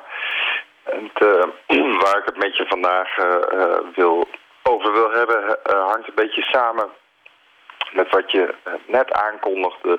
Watertown van Frank Sinatra. En dan voel je het bruggetje ook komen. Het weer. Ik weet niet hoeveel schrijvers het eigenlijk in de afgelopen jaren, maanden tot nu toe over het weer hebben gehad. Is dat een terugkerend eh, thema? Dat weet Nou, ik dat valt, dat valt eigenlijk wel Want je mee. het daar altijd over hebben natuurlijk. Maar En, het viel, eh, mij, het viel mij wel op de afgelopen Ja. 48 uur dat, dat eh, ook op de, de landelijke nieuwszender. Dat, dat, Mhm. dat zeg maar. Het, het, er zit ineens een soort gekke echo op de, op, de, op de ding. Als iemand ergens van een knop af kan blijven. Dan, maar goed. Dat, dat het ineens tot een, tot een nieuwsonderwerp was verheven, het weer. Dat, dat, dat ineens de, de opening van het nieuws het regent. Juist, ja, maar het was, het was natuurlijk eh, ook niet heel erg gebruikelijk. Ik, ik weet niet of, welke buitengebieden jij eh, vertoeft, maar ehm, het, het was ook wel wat, wat we noemen extreem en natuurlijk de altijd warmbloedige eh, code oranje. Dus ik vond, het, ik vond het prachtig. Het onweer vannacht. Ik ben speciaal nog even opgebleven om het, eh, om het helemaal uit te zitten. Het was zo mooi. Juist, nou en daarom, eh, omdat het toch al een beetje een Shakespeareaans eh, thema heeft deze week. Hè. We hebben geen voetbaluitslagen vandaag. En we hadden ook niet echt een uitslag met betrekking tot die brexit. Hè. Het, is, het hangt nu nog in de lucht. En gisteren konden we het een beetje voor de, over de stilte voor de storm hebben. Eh, morgenochtend weten we pas echt waar het naartoe gaat met die eh, brexit. Dus daarom wil ik het gewoon fijn even over het weer hebben met jouw goedkeuring. Graag. De regen. Ga je gang. amfibievoertuig. De Derkinderenstraat in Amsterdam stond blank. Ik stond haast tot aan mijn enkels in het water voor de basisschool van mijn dochters. Daar moet je voorzichtig doorheen rijden, zo berichtte mijn broer. Ik moest denken aan het amfibievoertuig bij het Lovier in Husse, halverwege de jaren tachtig. Het amfibievoertuig was een boot met wielen. En ik weet niet waarom het ding voer, of wat doet het ding eigenlijk. Maar we gingen er naar kijken bij hoog water, als uitje. Mij interesseerde dat voertuig helemaal niet. Maar mijn oudere broer, die sowieso meer technisch onderlegd is... en geduld heeft met techniek en daarvoor geleerd heeft bovendien... vond het een fenomeen. Het voertuig moet op zondag gereden hebben. Ja, of gevaren, ik weet het. Want op andere dagen dan zondag kwamen we zelden in het oude deel van Husse. We woonden dicht tegen Arnhem aan. We spraken zonder accent, vierden geen carnaval, gingen niet naar de kermis. Maar we gingen wel naar het amfibievoertuig kijken. Hoogwater was een fenomeen in het door dijken omringde Husse. Als de Rijn buiten de oevers trad, had de krant er iets om over te schrijven... en keken de inwoners nieuwsgierig toe. Als het waternaamtijd weer ging zakken, waren we teleurgesteld. Nooit zette een ramp eens door. De korte opwinding en deceptie waren dezelfde als bij een stroomuitval uitval na een blikseminslag in de centrale. Als het licht na uren weer aanvloepte en de koelkast weer zoemde, vervielen we weer in onze patronen. Toen de school van mijn dochters uit was, was al het water in de Terkinderenstraat volledig verdampt. Over de regen en eh, de aanstaande rampspoed die er soms mee samenhangt. Want eh, dat is natuurlijk ook altijd tragisch. Alle lekkende daken, ondergelopen kelders en eh, al het andere leed dat ermee samen kan hangen. Als het zo tekeer gaat. Ja, maar één wijze les, over een jaar ziet het er altijd weer anders uit. Ja, wat, wat, wat, hebben wij, eh, wat hebben wij een mooie relativerende afsluitingen elke dag tot nu toe deze week. We eindigen Ja. altijd op, op historische, geografische tijdschaal met een relativerende noot. Heerlijk. Juist. Ik ben een genadig mens, dan krijg je dat. Fijn. Thomas, dankjewel. Tot morgen. Vanaf morgen in Beuningen het eh, Down the Rabbit Hole Festival. Een van de hoogtepunten, althans de anticiperen hoogtepunt... is de Amerikaanse band The National. We gaan luisteren naar Sunshine on My Back.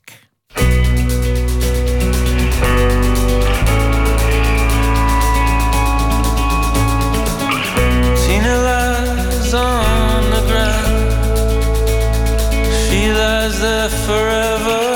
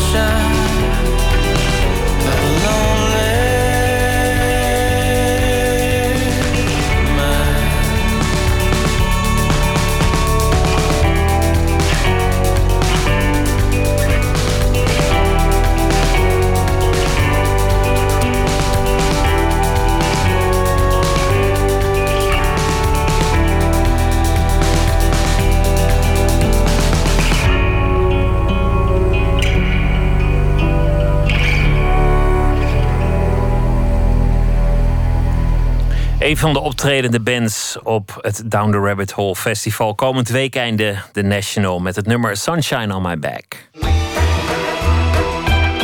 Nooit meer slapen. Een groep eh, muzikanten die zich verenigen in een eh, los vast collectief. En dat doen ze om bijna vergeten albums van grote helden op te nemen.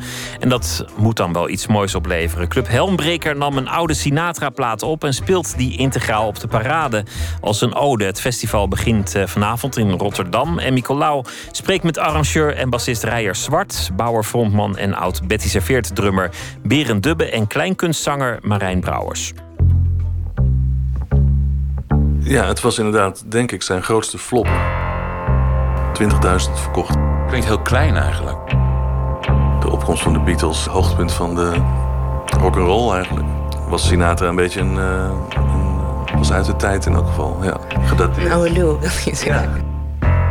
Old Watertown. Nothing much happening down on Main. Dat hij ook dacht van hm, ik moet iets doen om ook tegen de rest van de andere popcultuur zeg maar eh, op te kunnen. En dat is gewoon helemaal niet gelukt. Tenminste niet zoals hij het gehoopt had. Want iedereen ja, die hield toch vooral van zijn American Songbook-achtige platen. Dan volgens mij pas nu, eigenlijk, ja, tenminste nu, dat, dat men roept het is het beste wat hij ooit gemaakt heeft.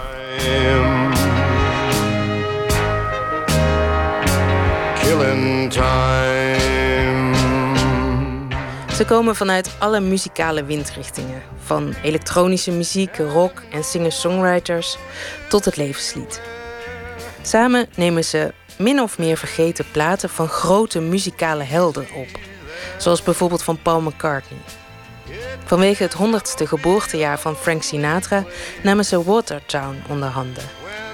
Maar wat is nou eigenlijk de lol van het integraal spelen van oude platen?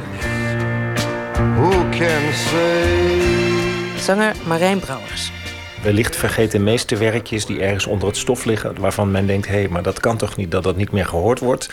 Dat vind ik de lol. En prachtig om te doen, maar het is ook de lol... dat heel veel mensen daardoor er uh, weet van krijgen en dat ze het kunnen horen.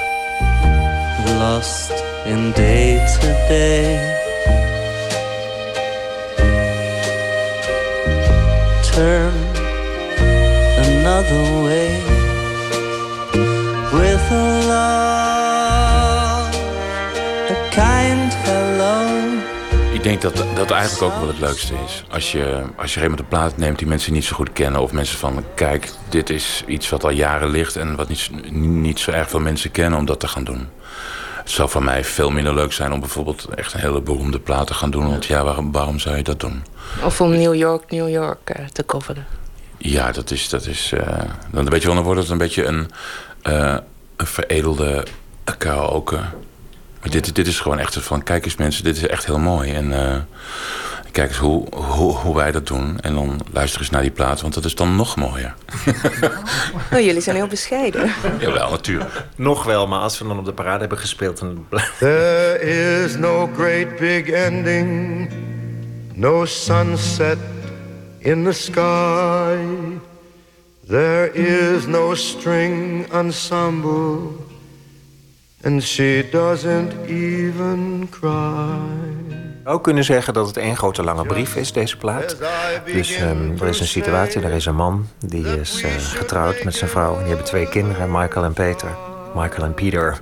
Zij heet Elizabeth. En op een dag besluit ze dat het huwelijk geen zin meer heeft. Of dat het echt niet kan. En dat is eigenlijk waar de plaat mee begint. Of je hebt eerst een prolooglied, zo zie ik het, Watertown. Dat is een soort situatieschets van waar het zich allemaal afspeelt, dit hele verhaal. In Watertown, in een klein dorpje, waar eigenlijk niet zoveel gebeurt. Waar iedereen alles van iedereen weet. Omdat het zo... Uh, klein en licht benauwend is.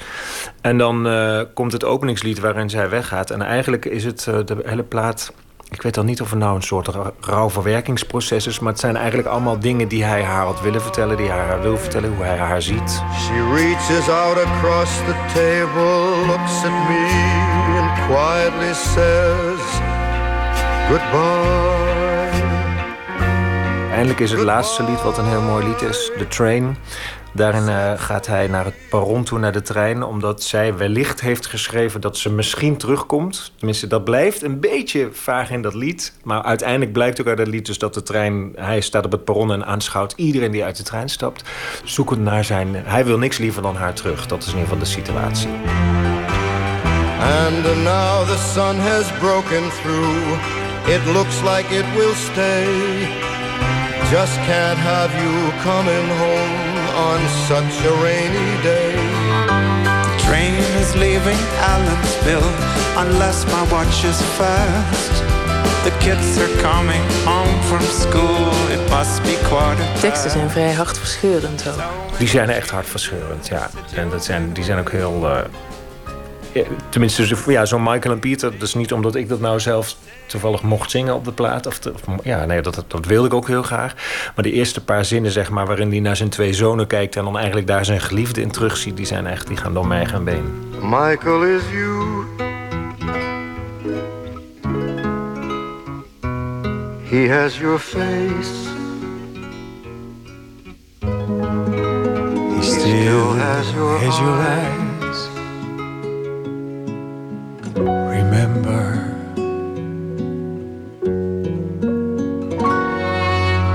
Het is ook een, eh, een, heel, een, eigenlijk een heel modern gegeven dat een man wordt verlaten door zijn vrouw. En die vrouw die wou naar de grote stad. En die wou daar een soort uh, groots en meeslepend leven gaan leiden. En hij blijft achter als werkende man met twee kinderen.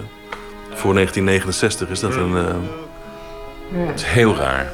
Vooral voor Frank Sinatra om over te zingen. Vrij eh, ja, kwetsbaar. En hij doet, het met zo, hij doet het dan met zoveel overgave en zoveel inleving. Echt heel eh, bijzonder. Ja, want het is dus totaal niet autobiografisch. Nee, het is totaal niet autobiografisch. Hij was toen in een relatie met Mia Farrow, die 40 jaar jonger was dan hij, denk ik. Als er een plaat over gemaakt zou worden, dan krijg je een heel ander soort album. Older Watertown. Ja, ik ben al vanaf kinds af aan eigenlijk een Sinatra-fan. Aangestoken door mijn broer, die mij een cassettebandje gaf met een eh, dwarsdoorsnede van Sinatra's oeuvre toen ik tien was, denk ik. Vooral bassist en arrangeur Rijer Zwacht en zanger Berend Budde groeiden op met Sinatra. Ik hield verder van Led Zeppelin en ehm, ja. Maar ja, eh, op een of andere manier heb ik het altijd kunnen verenigen in mijn hoofd. Ja. Sinatra en Led Zeppelin. Sinatra is eigenlijk een hele bescheiden zanger. Aan tegenstelling tot wat eh, zijn image eigenlijk is. Maar hij heeft als zanger nooit zijn zang op de voorgrond gezet, maar meer het, het liedje en, eh, en het verhaal, de tekst. Sinatra heeft altijd die tegenstelling in zich gehad. Een, een, stoer en, en een beetje macho-achtig imago, maar eigenlijk een hele kwetsbare verteller.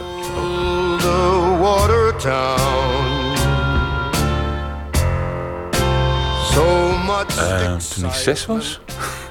Maar in ieder geval eh, bij mij Dat is wel heel jong, Berend Dubbe. Ja, bij mijn thuis, eh, met mijn vader en mijn moeder was het eh, Sinatra wat de klok sloeg. Tijdens eh, ehm, eh, borreltijd, vijf uur. Hmm. Vijf uur 's middags, Sinatra aan, borreltje erin. Ja hoor, voor mijn ouders dan, hè? Ik niet. Ja. You should have told me when it all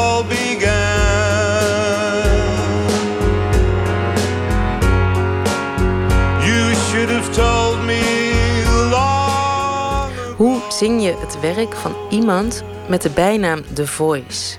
Dat moet wel haast een moeilijke opgave zijn.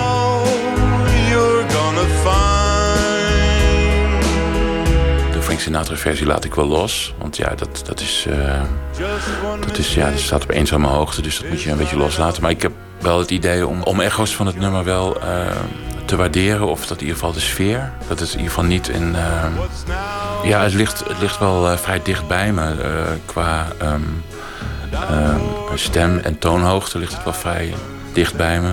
En jij? Eh, als ik heel eerlijk ben, vind ik het geweldig om te doen. Maar heb ik ook nog... Ik bedoel, we zijn net begonnen en we gaan, eh, we gaan gelukkig heel veel keer spelen in de zomer. Dus ik voel in mezelf heel veel groeipotentie. Maar ik voel ook dat ik daar nog eh, aan het begin in sta. Het lijkt me heel moeilijk om niet te overdrijven. Om, Ja, eh, dat is waar. omdat het zich zo leent voor over overdrijving. Ja. En dat je ook niet eh, een Frank Sinatra imitator wil hebben. Weet je wel, vier stuks of zo. Dat moet je ook niet hebben. Nou, over Sinatra-imitatoren, die, die, die slaan wat mij betreft heel vaak de plank mis. Omdat ze heel erg gaan proberen te swingen. En, en ze gaan er dan bij bewegen ook. En ze gaan dan heel casual doen. Terwijl als je Sinatra ziet zingen, hij stond eigenlijk gewoon stil. En hij was niet bezig om te swingen, hij swingde gewoon. En deze muziek is, het is geen swingmuziek, Watertown. Het is een, eigenlijk een meer orkestrale popplaat. Dus, dus die valkuil die is er ook niet. Dat, uh, dat jullie zouden gaan proberen te swingen. Nee. Dan roep jij niet bewegen. And everyone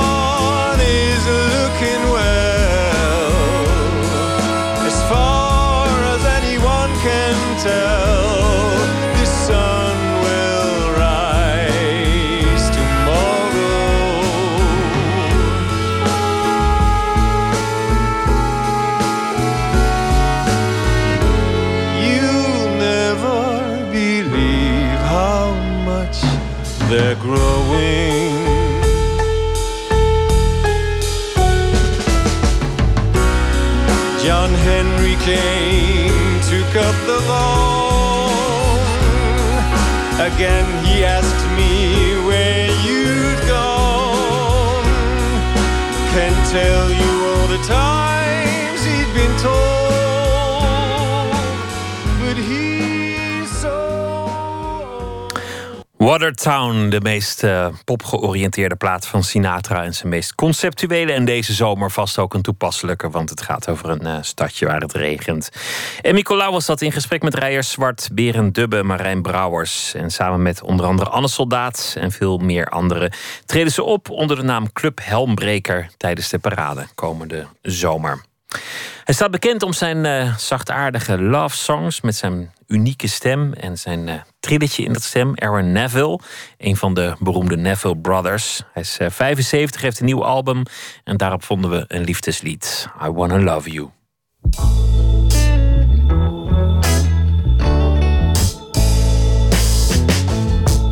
I've been thinking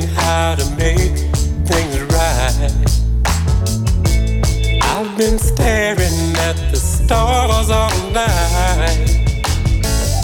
I didn't ever mean to hurt you so. Let me hold you, I won't let you go. But you don't understand my love. So I'm gonna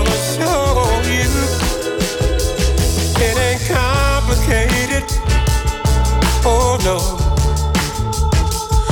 wanna love you. I wanna love you. I wanna make you happy, baby. Oh yeah. I wanna love you. I wanna love you.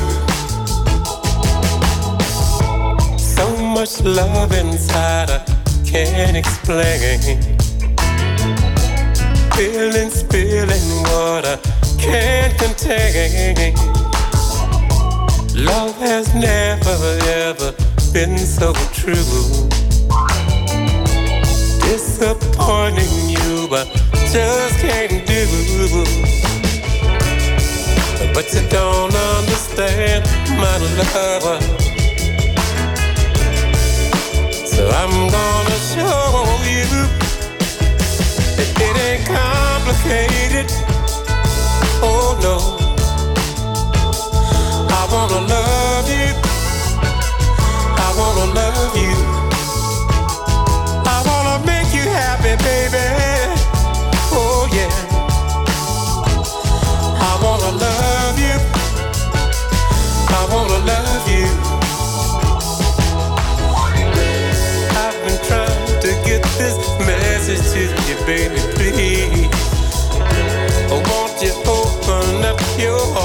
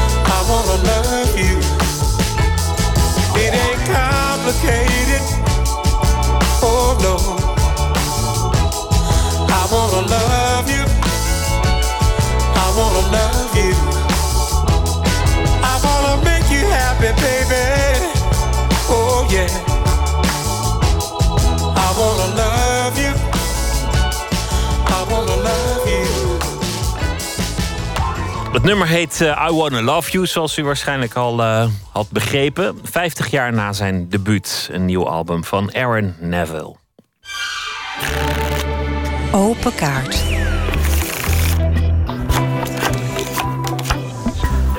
De rubriek Open Kaart. De gast trekt zelf de kaarten uit een bak. 150 vragen over werk en leven. En Rijn-Jan Mulder is de gast. Hij was literatuurcriticus bij NRC Handelsblad. Uitgever bij verschillende uitgeverijen. Hij is ook schrijver en fotograaf. En zijn project heet Objectief Nederland. Een oud project. En eh, nu is er een tentoonstelling over in het Rijksmuseum in Amsterdam. De opening is net achter de rug. Rijn-Jan, hartelijk welkom. Het boek ligt hier voor me. Objectief Nederland. Een poging om Nederland zonder waardeoordeel vast te leggen in foto's. Een project dat begon in 1974. Wat, wat weet je nog van, van, van het begin van het project, de eerste gedachten? De, de centrale gedachte was dat ik eh, het gevoel had dat we voor de gek waren gehouden door schilders, door fotografen, omdat die steeds focusten op bepaald soort dingen die ze mooi vonden, dingen waar ze makkelijk bij konden, dingen die ze belangrijk vonden. Terwijl ik dacht, je moet toch de hele werkelijkheid laten zien. En ongeveer ja, het meeste van, van wat er bestaat, dat zien wij nooit. Omdat we ons veel te veel focussen op een paar dingen. Dus ik wilde, ik wilde de andere kant van de werkelijkheid laten zien. dichter bij de werkelijkheid komen. Omdat wat, wat je in de wetenschap zou noemen er een bias was. Omdat kunstenaars, Ja, mensen die het vastleggen, nou eenmaal een voorkeur hebben voor, ik noem maar wat, een, een, een windmolen of er, een er is een, er is een traditie inderdaad. Ook als je een, een schilderij van Nederland hebt, ja, je ziet, eh, je ziet rivieren, je ziet inderdaad grote huizen, je ziet, je ziet heel veel wegen, je ziet eh, mensen. En ik vroeg me af, eh, klopt dat? Dan moet je een methode bedenken om iets te objectiveren. En, en, en dat is ingenieus. Hoe ben je toen te werk gegaan? Je, je was toen een, een jonge man, 1974, 25 jaar oud. Wa- wat was je eerste vertrekpunt? Ik wilde een steekproef nemen. Ik dacht, ik beperk me tot Nederland. Want om de hele wereld in het heelal te nemen, dat is een beetje ver. Maar ik dacht, nee, ik beperk me tot Nederland. En ik neem een steekproef van punten. En ik ga kijken hoe het er daar uitziet. Of dat nou landschap is, of dat dat... Ik heb wel eens gezegd, ja, als daar toevallig een, een bloemenvaas stond... of een, een portret, eh, een men- meneer stond, had ik dat genomen. Maar in, in de praktijk bleken het eigenlijk allemaal landschappen te zijn. En zo kreeg ik dus ja, een gemiddelde van het Nederlandse landschap. Ver voor Google Maps en, en Google Earth en, en dat soort dingen waar je eindeloos over de wereld kunt, kunt gaan met je muis en, en proberen op Ja, willekeurige plekken in te zoomen. Een beeld van Nederland. Een beeld waarvan ik nu zou vermoeden dat het ook een beeld is van een vergaan Nederland. Een Nederland dat leger oogt dan ik denk dat het nu is. Maar Het is, het, is Dat zeker, weet je niet. het is zeker nu minder leeg. Maar ik weet niet of je het verschil erg goed ziet. Want ik, ik denk dat van, van de 52 plekken waar ik toen was... dat er een stuk of 45 behoorlijk leeg waren. Stel dat er nu eh 42 behoorlijk leeg zijn. Of 41. Ik denk dat je dan... Ja, dan moet je heel goed tellen. Wil je überhaupt het verschil zien? Want als je bij Loppersum of, of eh, aan de rand van Winterswijk... of nou ja, noem maar alle, alle plekken waar je, waar je dan zowel komt... fotografeert, zal het nog steeds niet altijd even vol zijn. Er is nee, nog steeds nee maar stel ruimte. dat het 10 of 20 procent voller is geworden, of 30 procent voller, dan zie je dat nog bijna niet. Omdat de overgrote meerderheid van de punten zijn leeg. Dus of je er nou 95 procent leeg hebt of 96 procent, dat, eh, dat, zie je, dat verschil zie je bijna niet. Misschien zouden er één of twee plekken zijn waar het ineens anders is. Vermoed ik hoor. Het zou leuk zijn om het uit te proberen. Maar, eh, 1974, mijn geboortejaar. We zijn, eh godsamme, 42 jaar verder.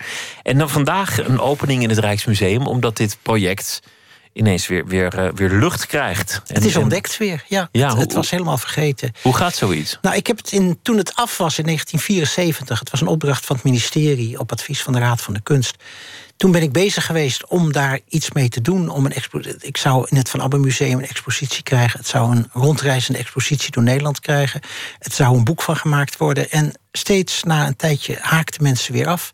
En toen, ja, na een jaar vijf, zes, toen had ik er genoeg van. En toen eh, ben ik andere dingen gaan doen. Want ik dacht, ja, ik wil niet mijn hele leven de miskende kunstenaar uithangen. En kennelijk eh, ziet men het niet en wil men het niet. En ik bleef er zelf wel in geloven, maar ja, je moet ook reëel zijn. Dus ik, eh, ik heb het een tijd weggestopt en gedacht, jammer, eh, het slaat niet aan. En toen? Want, want toen, zoveel jaar later, kreeg het ineens wel de wind Een paar jaar geleden, toen heb ik mijn hele archief geschonken aan de Universiteit van Amsterdam. En toen is er een conservator bij mij thuis komen kijken wat die allemaal hebben wou. En toen stond daar ineens een grote verhuisdoos met allemaal oude foto's. Ik zei, ja, dat zijn foto's, dat is niks voor jullie. Nou, zegt hij, mag ik het toch eens zien? En ik liet wat zien. Goh, zegt hij, dat is interessant, dat willen wij ook wel hebben. En toen dacht ik, ja, foto's bij een universiteitscollectie, is dat niet een beetje vreemd? Dus toen zei ik meer als, ja, half als grap. Ik zei, ja, dat hoort dan toch eerder in het Rijksmuseum. En toen zei hij, ja, ja, dat zou ook wel kunnen. En toen zei ik, nou, of nee, ik heb niks gezegd, maar ik heb de volgende dag wel een mailtje gestuurd naar het Rijksmuseum. Want ik dacht ineens van ja, als deze conservator er wat in ziet, misschien zien, dat, zien ze er bij het Rijksmuseum ook iets in. En past natuurlijk heel erg bij, bij wat ook toch echt een deel van het Rijksmuseum is. Het, het museum van Nederland Ik zijn. dacht, als het ergens past, dan is het in het Rijksmuseum. Maar ik had eerlijk gezegd niet verwacht dat ze meteen enthousiast zouden reageren. Want ja, een dag later stonden de twee conservatoren op de stoep. Mogen we het zien? En ik heb toen dingen laten zien en ze waren heel enthousiast. En zeiden, nou, we gaan ons best doen om het te verwerven. Dat, dat gaat bij het Rijksmuseum niet van de ene dag op de andere. Maar uiteindelijk, wat is het, een half jaar of een jaar later... toen eh, zijn de contracten getekend. En toen heb ik het in zijn geheel eh, geschonken aan het museum. En zij zeiden er meteen bij: ja, we willen het niet alleen eh, in het depot opslaan, we willen er ook een keer een tentoonstelling van maken. Dus dat was voor mij extra aantrekkelijk. En bij een tentoonstelling hoort ook een boek. En, en dat boek, het, het- is van een, van een, van een schoonheid die, die eh, ook, ook ermee te maken heeft dat het, dat het een soort nostalgie heeft. Maar ook die willekeur. En ja, mooier dan Google Maps. Het moet, moet gezegd worden. Ja, ja het, het, het ademt natuurlijk ook de sfeer van de jaren zeventig. Omdat de, de foto's die ik toen maakte, toen dacht ik, dit is zoals foto's moeten zijn. Maar als je het nu 42 jaar later ziet, dan zie je wel heel duidelijk, dit soort foto's kun je helemaal niet meer maken. De hele, het hele papier bestaat niet meer, de hele techniek bestaat niet meer. Dus wat dat betreft krijgt het nu een, een extra waarde of een andere waarde, doordat het ook iets historisch heeft. Eh, Omdat het mooi analoog materiaal is. Het zijn, het zijn mooie prints. Het heeft, het heeft waarschijnlijk nog dat, dat wat dikkere Ja, het is, het fotopapier. is die, die, die grofkorrelige 3X-film die wij altijd gebruikten... met hardspapier en glanzen, ja, allerlei dingen. En dat merkten we nu bij de restauratieafdeling... toen we de tentoonstelling voorbereiden... dat als je iets wil aanvullen, dat, dat kan helemaal niet meer. Dus je bent ook gedwongen om die authentieke, originele foto's... eh, te tonen. En dat, ja, daar zit een hele ja, een, een schoonheid. Wij, wij zien daar nu meer schoonheid in, denk ik, dan toen. Je hebt veel andere dingen gedaan in je leven. En ik hoop dat, dat we daarachter komen aan de hand van willekeurige vragen uit een kaartenbak. Ik wil je vragen om, om er één te trekken en voor te lezen welke vraag er. eh, Ik moet dan zomaar uit staat. het midden even iets Ja. pakken, denk ik. Ja? Oh, dan moet ik de achterkant kijken, ja. Hoe zorg je ervoor dat je je zin krijgt? Ja, dat, dat is wel een relevante vraag na het verhaal van daarnet. Je hebt, je hebt een mooi idee, je hebt een mooie uitvoering. En dan strandt het ergens, blijft vijf jaar liggen, komt in een la. En uiteindelijk, na zoveel jaar, gebeurt het alsnog. Je vertelde daar net wel iets ja, over. Ja, ik, ik, ik heb dus, eh, ik denk vijf, zes jaar lang... heb ik nog geprobeerd om het ergens onder te brengen. En heb ik ook tegenover het ministerie steeds gezegd... ik lag nog een vervolgssubsidie. Nee, ik ga er een keer mee door. Toen heb ik het laten rusten. Ik heb toch eigenlijk in die, in die 30 jaar daartussen... heb ik er... eh, heb ik misschien te weinig gezorgd dat ik mijn zin kreeg. Maar aan de andere kant, als je steeds maar je hoofd stoot... eh, nee, ik geef het misschien te snel op. Ja, maar als Maar- het alternatief is dat je verongelijkt wordt of nee, de- ja, nee, je moet of energie verliest ja. aan, aan verloren projecten. Het, het was een aantal jaren, de Raad voor de Kunst was heel enthousiast. En daarna was ineens, het klimaat was anders. Misschien, misschien was ook wel, ook het Van Abbe Museum kreeg ineens een nieuwe directeur... en die geloofde veel meer in het persoonlijk kunstenaarschap, eh, het grote genie. En daar past dit niet in. Dit is natuurlijk een veel wetenschappelijker en veel eh experimenteler benadering... waar je meer aan het toeval overlaat. En En waar je de persoonlijkheid van de kunstenaar juist een beetje dempt door, Ja, ja. door niet de subjectiviteit, maar de objectiviteit ja, nee, te misschien, misschien was de tijd er ineens eh, minder rijp voor. Dat, eh, Zou kunnen. Laten we nog geen eh, uitproberen. Wanneer heb je voor het laatst hard gelachen? Hard gelachen.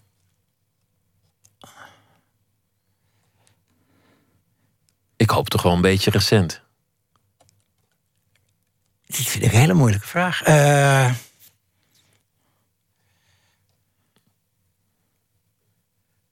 ja, je zou denken aan een lachfilm of aan iets humoristisch, maar ik, Het schiet je zo gauw niet het te schiet binnen. me zo gauw niet te binnen. Nee. Maar ik lach, ik, nee, ik lach wel vrij veel. Ik heb, ik heb gisteren een toespraakje gehouden voor een, een preview en dat soort dingen. En daar, heb ik wel, eh, daar hebben we wel veel plezier gehad. Ja, nee, ik, ik, ik ben minder somber dan het lijkt. We zijn eh, gaan eten met een eh, clubje van met een paar conservatoren en de vormgever. En we hebben hard zitten lachen, ja. We hadden ontzettend veel plezier.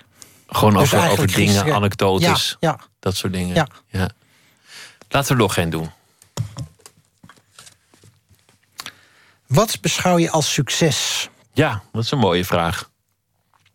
Ja, dit beschouw ik als succes. Dat nu eh, toch ja, het Rijksmuseum, wat ik toch een, een heel belangrijk museum vind, waar ik nooit aan gedacht had, dat die nu zegt. Het, de- die gaan nu tegenwoordig fotografie doen. En dat een van de eerste fotografietentoonstellingen die ze organiseren, dat dat mijn werk is. Dat vind ik een ongekend succes. Dat, daar kan ik me alles bij voorstellen. Toch, toch lijkt het niet altijd in je werk alsof succes in die zin het uitgangspunt is. Het lijkt alsof, alsof de gedachte over andere dingen gaat dan, dan of je ermee zou kunnen scoren of dat iemand het zou willen hebben. je wil wel erkenning hebben. En dat, dat heeft me toen dwars gezeten, toen in de jaren zeventig. Toen, ik eh, toen werd het eigenlijk niet serieus genomen. Ik heb een paar keer gehad dat ik met mensen erover wilde praten. Ik werd uitgenodigd. En dan schreef ik een brief en kreeg ik geen antwoord. Of ik ben een keer naar de Nederlandse Kunststichting gegaan. En we zouden een gesprek hebben over een rondreizende tentoonstelling. En de directeur werd weggeroepen omdat er een nieuwe auto werd afgeleverd. En die ging een proefrit maken. En ik zat daar een uur te wachten. Kom nooit meer terug. kwam niet meer terug. Toen dacht ik, ja, Wat een lomperik. dat vond ik dus inderdaad. eh, dat ik, toen dacht ik, in wat voor wereld ben ik terechtgekomen? En Terwijl er veel werk in is gaan zitten. Want ik bedenk me ineens dat je dan... Ik weet niet of je een autootje had of dat je met de trein nee, ik ging. maar alles, dat je, alles met het openbaar vervoer gedaan. dus dan al die plekken die, die dan volgens je eigen raster... die stipjes op de kaart... ja, nee, ik heb maandenlang heb ik door Nederland getrokken. En, en het, het ging eigenlijk beter nog dan ik dacht. Want het, het werden ontzettend leuke foto's. En ik heb alle punten bereikt die ik wou bereiken. En eh, ja, de, de eerste reacties waren ook heel positief. Dus dat dan ineens daar niks meer mee gebeurt, dat vond ik eh, heel pijnlijk. Maar je bent ook uitgever, eh, schrijver. En dat zijn soms ook dingen die, die echt niet voor een heel groot publiek zijn bestemd. Wat beschouw je dan als succes? Wanneer is het dan voor jezelf geslaagd? Want, want dat je een tentoonstelling in het Rijksmuseum als succes eh, ziet, dat, dat, dat begrijpt iedereen.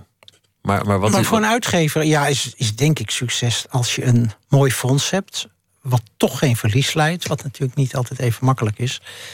En waar een aantal boeken in zitten die, je- ja, waar je trots op bent. En, en die een zekere waardering krijgen. Want als je alleen maar boeken uitgeeft die je zelf mooi vindt, dat is toch niet, eh, dat is niet de bedoeling. Nee, Dus- maar dus als je alleen maar dingen uitbrengt die, die goed verkopen, maar waar je zelf geen waarde in ziet, doe je het ook niet goed. Ja, Dus nee, nee, nee, nee dat, is, dat is typisch aan, aan uitgeven en aan journalistiek natuurlijk ook. Dat je een optimum probeert te zoeken tussen, tussen waarde en, en eh, eh, opbrengst. Dus, Een, een koe om te melken, een koe om te slachten en een koe om te knuffelen. ja, ja.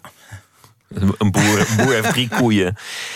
Wat is een succes in je leven? Wat, wat, wat, wat, zijn, eh, wat zijn je objectieven als, als maker, als, als persoon in, in het bestaan? En dan gaat het dus om andere dingen dan dit project. Ja, behalve, Ja, dit, ja, behalve ja. dit project, maar gewoon in, in al die dingen die je doet, waar, waar het soms best moeilijk is om een lijn in aan te brengen. Wat, wat, is daarin jouw streven? Ja, je hebt natuurlijk het persoonlijk leven. Dat je, dat je prettig woont en dat je een aardige vrouw hebt. En dat je eh, leuke vrienden hebt. En, en dat je een sociale omgeving hebt. Dat merk ik nu bij de opening van die tentoonstelling. Dat er allerlei mensen komen die je kent en die dan enthousiast zijn. Ja, dat, dat doet me goed. Dat je dus niet alleen maar voor jezelf doet, maar dat daar een, eh, een groep is die, die meegeniet van, van wat er gebeurt. Dat het eh, niet onopgemerkt is gebleven. Nee, dat is, dat is toch een, eh, ja, dat is natuurlijk een, een bepaalde vorm van ijdelheid. Maar dat je, als je alleen maar het voor jezelf doet, dat is ook niet leuk. En zonder enige ijdelheid komt niemand nog zijn bed uit, Nee, nee. vermoed ik. Nee, ik, heb nu, ik, ik merk dus, ook nu die tentoonstelling eraan kwam... dan vind ik het toch wel leuk om tegen mensen te zeggen... weet je dat ik eh, volgende week een tentoonstelling krijg? En dan zeggen ze, denken ze dat het in een buurthuis is of zo. En dan laat ik en passant vallen dat het in het Rijksmuseum is. En dan geloven ze het meestal niet. Maar... Ik zou gloeien, gloeien van trots, eerlijk gezegd. Ja, nee, dat, ik heb zelden zo'n mooie tijd gehad. Ik wens je heel veel plezier. En het boek en de tentoonstelling heet eh, Objectief Nederland. Te zien vanaf heden in het Rijksmuseum. Rijnjan Mulder, hartelijk dank. De Britse band Mumford Sons nam in Johannesburg een EP op. Met eh, de bands waarmee ze door Zuid-Afrika eh, toerden. De Senegalese zanger Baba Maal. Met de Zuid-Afrikaanse popgroep Beatenberg. En met de hip-hop jazz collectief The Very Best. En een van de nummers is deze, Full You've Landed.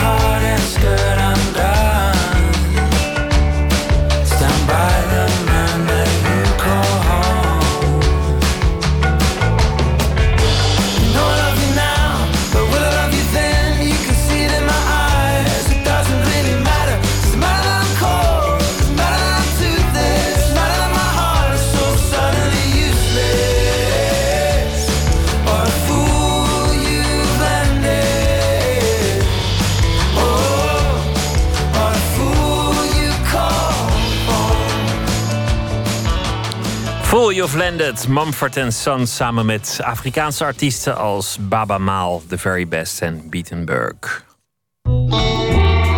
Nooit meer slapen.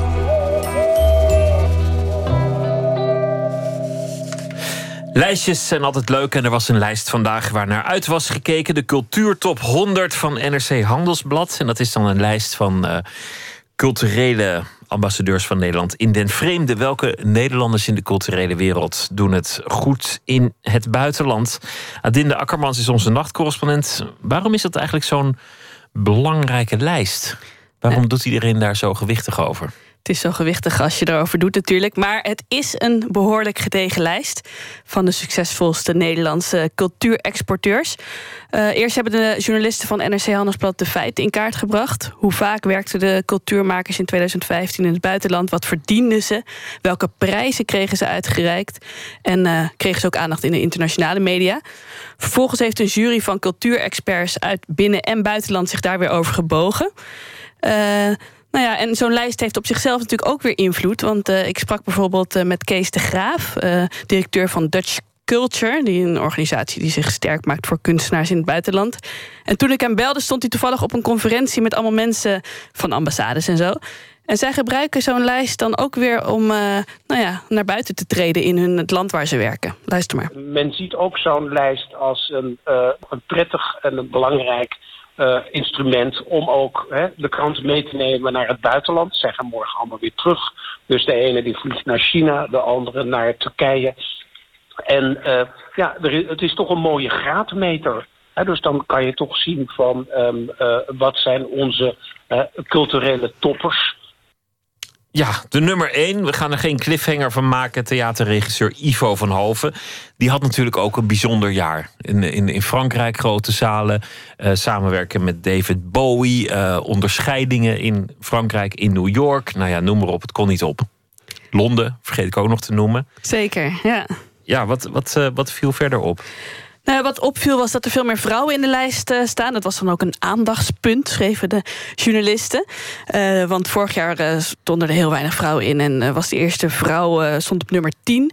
Nu heb je beeldend kunstenaar Marlène Dumas op 3 en ontwerper Irma Boom op nummer 5. Ook een vrouw op een hoge plek is Lotte de Beer, een eh, jonge opera-regisseur. Ook eh, hier te gast geweest. Zelfs wel meer uit deze top 100. Eh, en zij steeg van plek 77 naar de 16e plaats. Ze is op dit moment bezig met een productie in Tel Aviv. En toen ik haar belde, klonk ze behoorlijk eh, verbaasd. een beetje belachelijk, wel ongelooflijk. Dat ik denk, maar zo... Ja, het ging om, geloof ik, meest invloedrijk of zo. Dat ik denk, maar er zijn toch honderden mensen die veel, eh, veel meer dingen doen... en veel, veel grotere invloed hebben. En, en, en eh, ik, ik vind mezelf toch te klein voor op dat lijstje. Bescheiden. Ja ik, ja, ik vind het eerlijk gezegd een beetje een typisch vrouwelijke reactie. Mag ik misschien niet zeggen, maar zo, zo klinkt het wel. Moet je je voorstellen, dat is iemand die enorm succesvolle eh operaproducties heeft gemaakt in het buitenland. En eerder in Londen al eh, werd uitgeroepen tot Newcomer of the Year. Eh, en dan reageer je zo. Ja, wat, wat bij haar past, want dat, dat was een bescheidenheid die ook in het gesprek dat ik met haar had aan, het, aan het licht kwam. En internationaal zeer gevierd. Hoe zie je dat eigenlijk? Waarom, waarom doet zij het dan internationaal zo goed? Nou, ze zei dat, dat je met opera eigenlijk sowieso wel naar het buitenland moet. Want eh, Nederland is veel te klein voor dat genre. Maar er is nog wel meer aan de hand. Ik heb in Nederland een opleiding gedaan. En in Nederland waren er toen nog productiehuizen voor, voor, voor, voor jonge makers. Daar heb ik heel veel kansen gekregen. En ondertussen heb ik ehm, een Duitse leermeester gehad die ik heb on- ontmoet bij de Nationale Opera, Peter Konwitschny. En hij ehm, heeft me echt in het Duitse systeem aan de hand meegenomen en me geleerd hoe het grote operabedrijf werkt. En dus ik had een soort unieke ervaring dat ik, dat ik in, de, in de kleine productiehuizen heb geleerd om zelf het wiel uit te vinden en, ehm, en zelf al dingen te maken, hoe klein ook. Terwijl ik aan de andere kant in het Duitse grote, grote mensensysteem leerde hoe ik die machinerie moest besturen. Dus, en dat kon ik op een gegeven moment, toen ik zelf mijn eigen dingen mocht gaan maken in de grotere huizen, kon ik dat combineren. Ja, klassieke muziek blinkt Nederland in uit. Vormgeving en opera en natuurlijk de DJ's. Ja. Altijd een, eh, een exportproduct. Zeker, en wat ik ook nu vandaag hoorde, zei dat we ook uitblinken in jeugddocumentaires en in die, ja, design. Dat zei je al, hè? Ja. En waar zijn we niet goed in eigenlijk? Nou, eh, de popbandjes staan niet zo hoog in de lijst van NRC. En eh, dat heeft er enerzijds mee te maken dat we daar minder in investeren. Minder subsidies eigenlijk.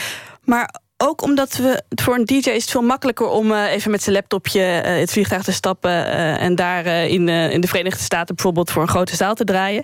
En en ja, een band moet natuurlijk nou, soms wel met, met negen man en dan grote instrumenten is veel duurder. De, ja. Noem, noem eens, noem eens de, de mensen die in dat genre toch hoog zijn gekomen. Ja, Karel Emerald staat wel goed. En eh, ook opvallend was Jungle by Night op nummer 78. Ik sprak eh, saxofonist Pieter van Ekster. Hij zei dat ze dat natuurlijk te danken hebben aan dat ze zo goed spelen. Maar ook aan slimme organisatie. Ehm, dit weekend spelen op Glastonbury bijvoorbeeld. En ehm, op, dat is een hele, een he- hele reis daar naartoe. Maar die eh, reis gaan we eerst spelen in Parijs en daarna spelen we in Londen. Om dan vervolgens de derde dag op eh, Glastonbury te spelen. En zo kan je toch zo'n best wel grote reis kan je daarmee combineren. En wordt het weer nou ja, financieel eh, aantrekkelijker. Vrouwen doen het iets beter. Dan heb je ook nog het eh, thema der culturele diversiteit. Het is een vrij blanke lijst Ja, Toch NRC, wel. NRC schrijft zelf: de top eh, 100 is bijna zo blank als het vooroorlogse Nederland. Jurylid eh, Michelle David, eh, een Amerikaanse gospel, gospelzangeres, die heeft er nog extra op gelet als jurylid. Maar het bleek eh, ook voor haar niet makkelijk om eh, mensen te vinden met een andere culturele achtergrond. En zij hamerde erop dat eh, we daar echt iets aan moeten doen in Nederland. Cultuur op hoog niveau moet volgens haar overal iets noodza- noodzakelijks worden. Dus niet alleen in eh, Wassenaar, eh, maar ook in, eh, in de Belmer, zoals zij het zei. Luister maar. We need to start in the schools early. Maybe there is a little girl, a little boy in school right now who has that desire but doesn't have the resources to do so. Or maybe their parent doesn't have the resource. Or maybe their parent doesn't know that they can. Or they're waiting for them to become 19 and 20 to, the, to go to the conservatorium. That's too late. Catch them early. Ja, is er verder eigenlijk een gemene deler? Heb je een soort rode draad ontdekt in, in deze lijst? Ik heb het ook even gevraagd aan Kees de Graaf van eh, Dutch Culture. En eh, hij zei dit. Dus of het nu een Hans van Manen is, of een eh, Ivo- van der Hoven, of een Tiesto. Het zijn mensen die openstaan, die authentiek, die een eigen signatuur hebben, die eigenwijs zijn, die, die geen compromissen sluiten. Ze zijn nieuwsgierig ehm, eh, en ze hebben een open blik naar de wereld. Ja, en in die wereld doet Nederland het cultureel, als je het zo ziet, die lijst indrukwekkend goed voor een, eh, voor een toch klein stadstaatje ergens aan de rand van, eh, van Europa. En zeker in een land waar, waar de politiek met zeer weinig respect over de culturele sector eh, spreekt en ze af en toe toch ook graag een hak mag zetten. Is toch knap dat de Nederlandse culturele sector een belangrijk exportproduct blijkt. Zeker, ja. Adinde Akkermans, dankjewel. Goeienacht. Ghetto Street, een twaalfkoppige brassband uit Amsterdam, vernoemd naar de Galgenstraat. Daar werd de band ooit opgericht. Nieuw album is daar Battle Plan en daarop staat dit stuk Achilles.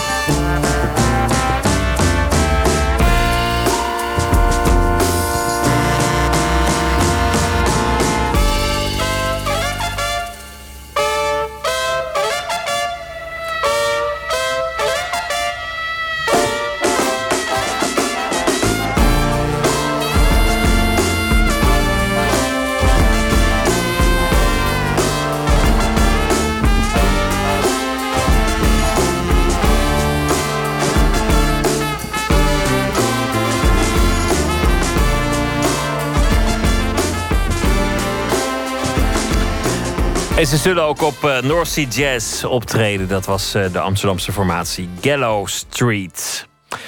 Onze dichter deze week is uh, Rien Vroegendewij. Hij zal elke nacht een gedicht uitkiezen en voordragen. En vannacht heeft hij gekozen voor een gedicht van Theodor Roetke... Mijn vaders dans.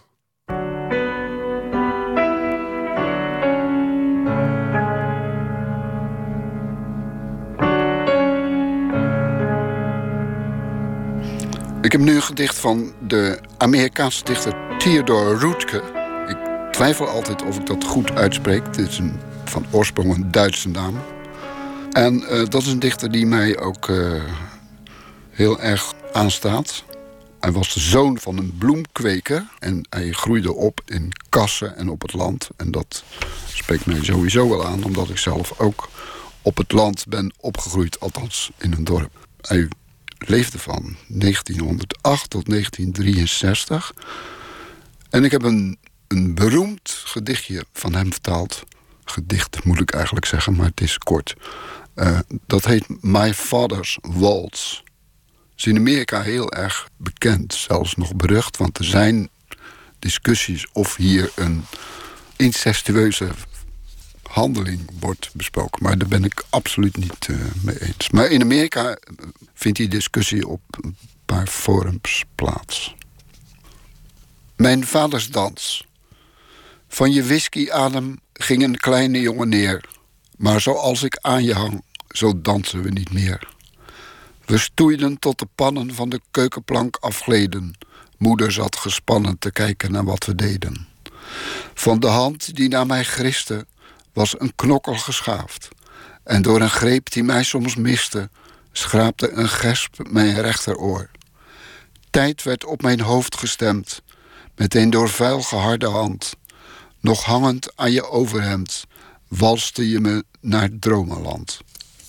Het gedicht Mijn Vaders Dans van Theodor Roetke, gelezen door Rien Vroeg in de Wei. En morgen zal hij weer een gedicht uitkiezen en voordragen.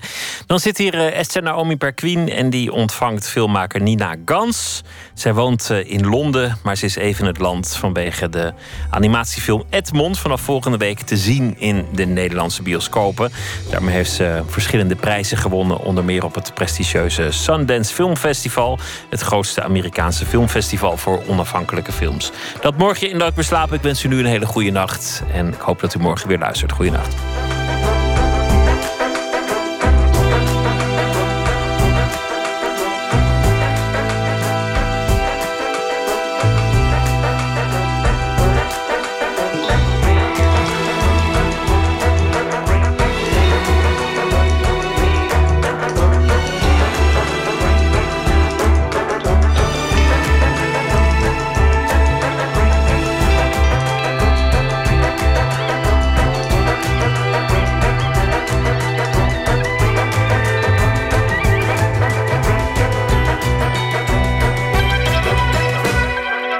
Radio 1.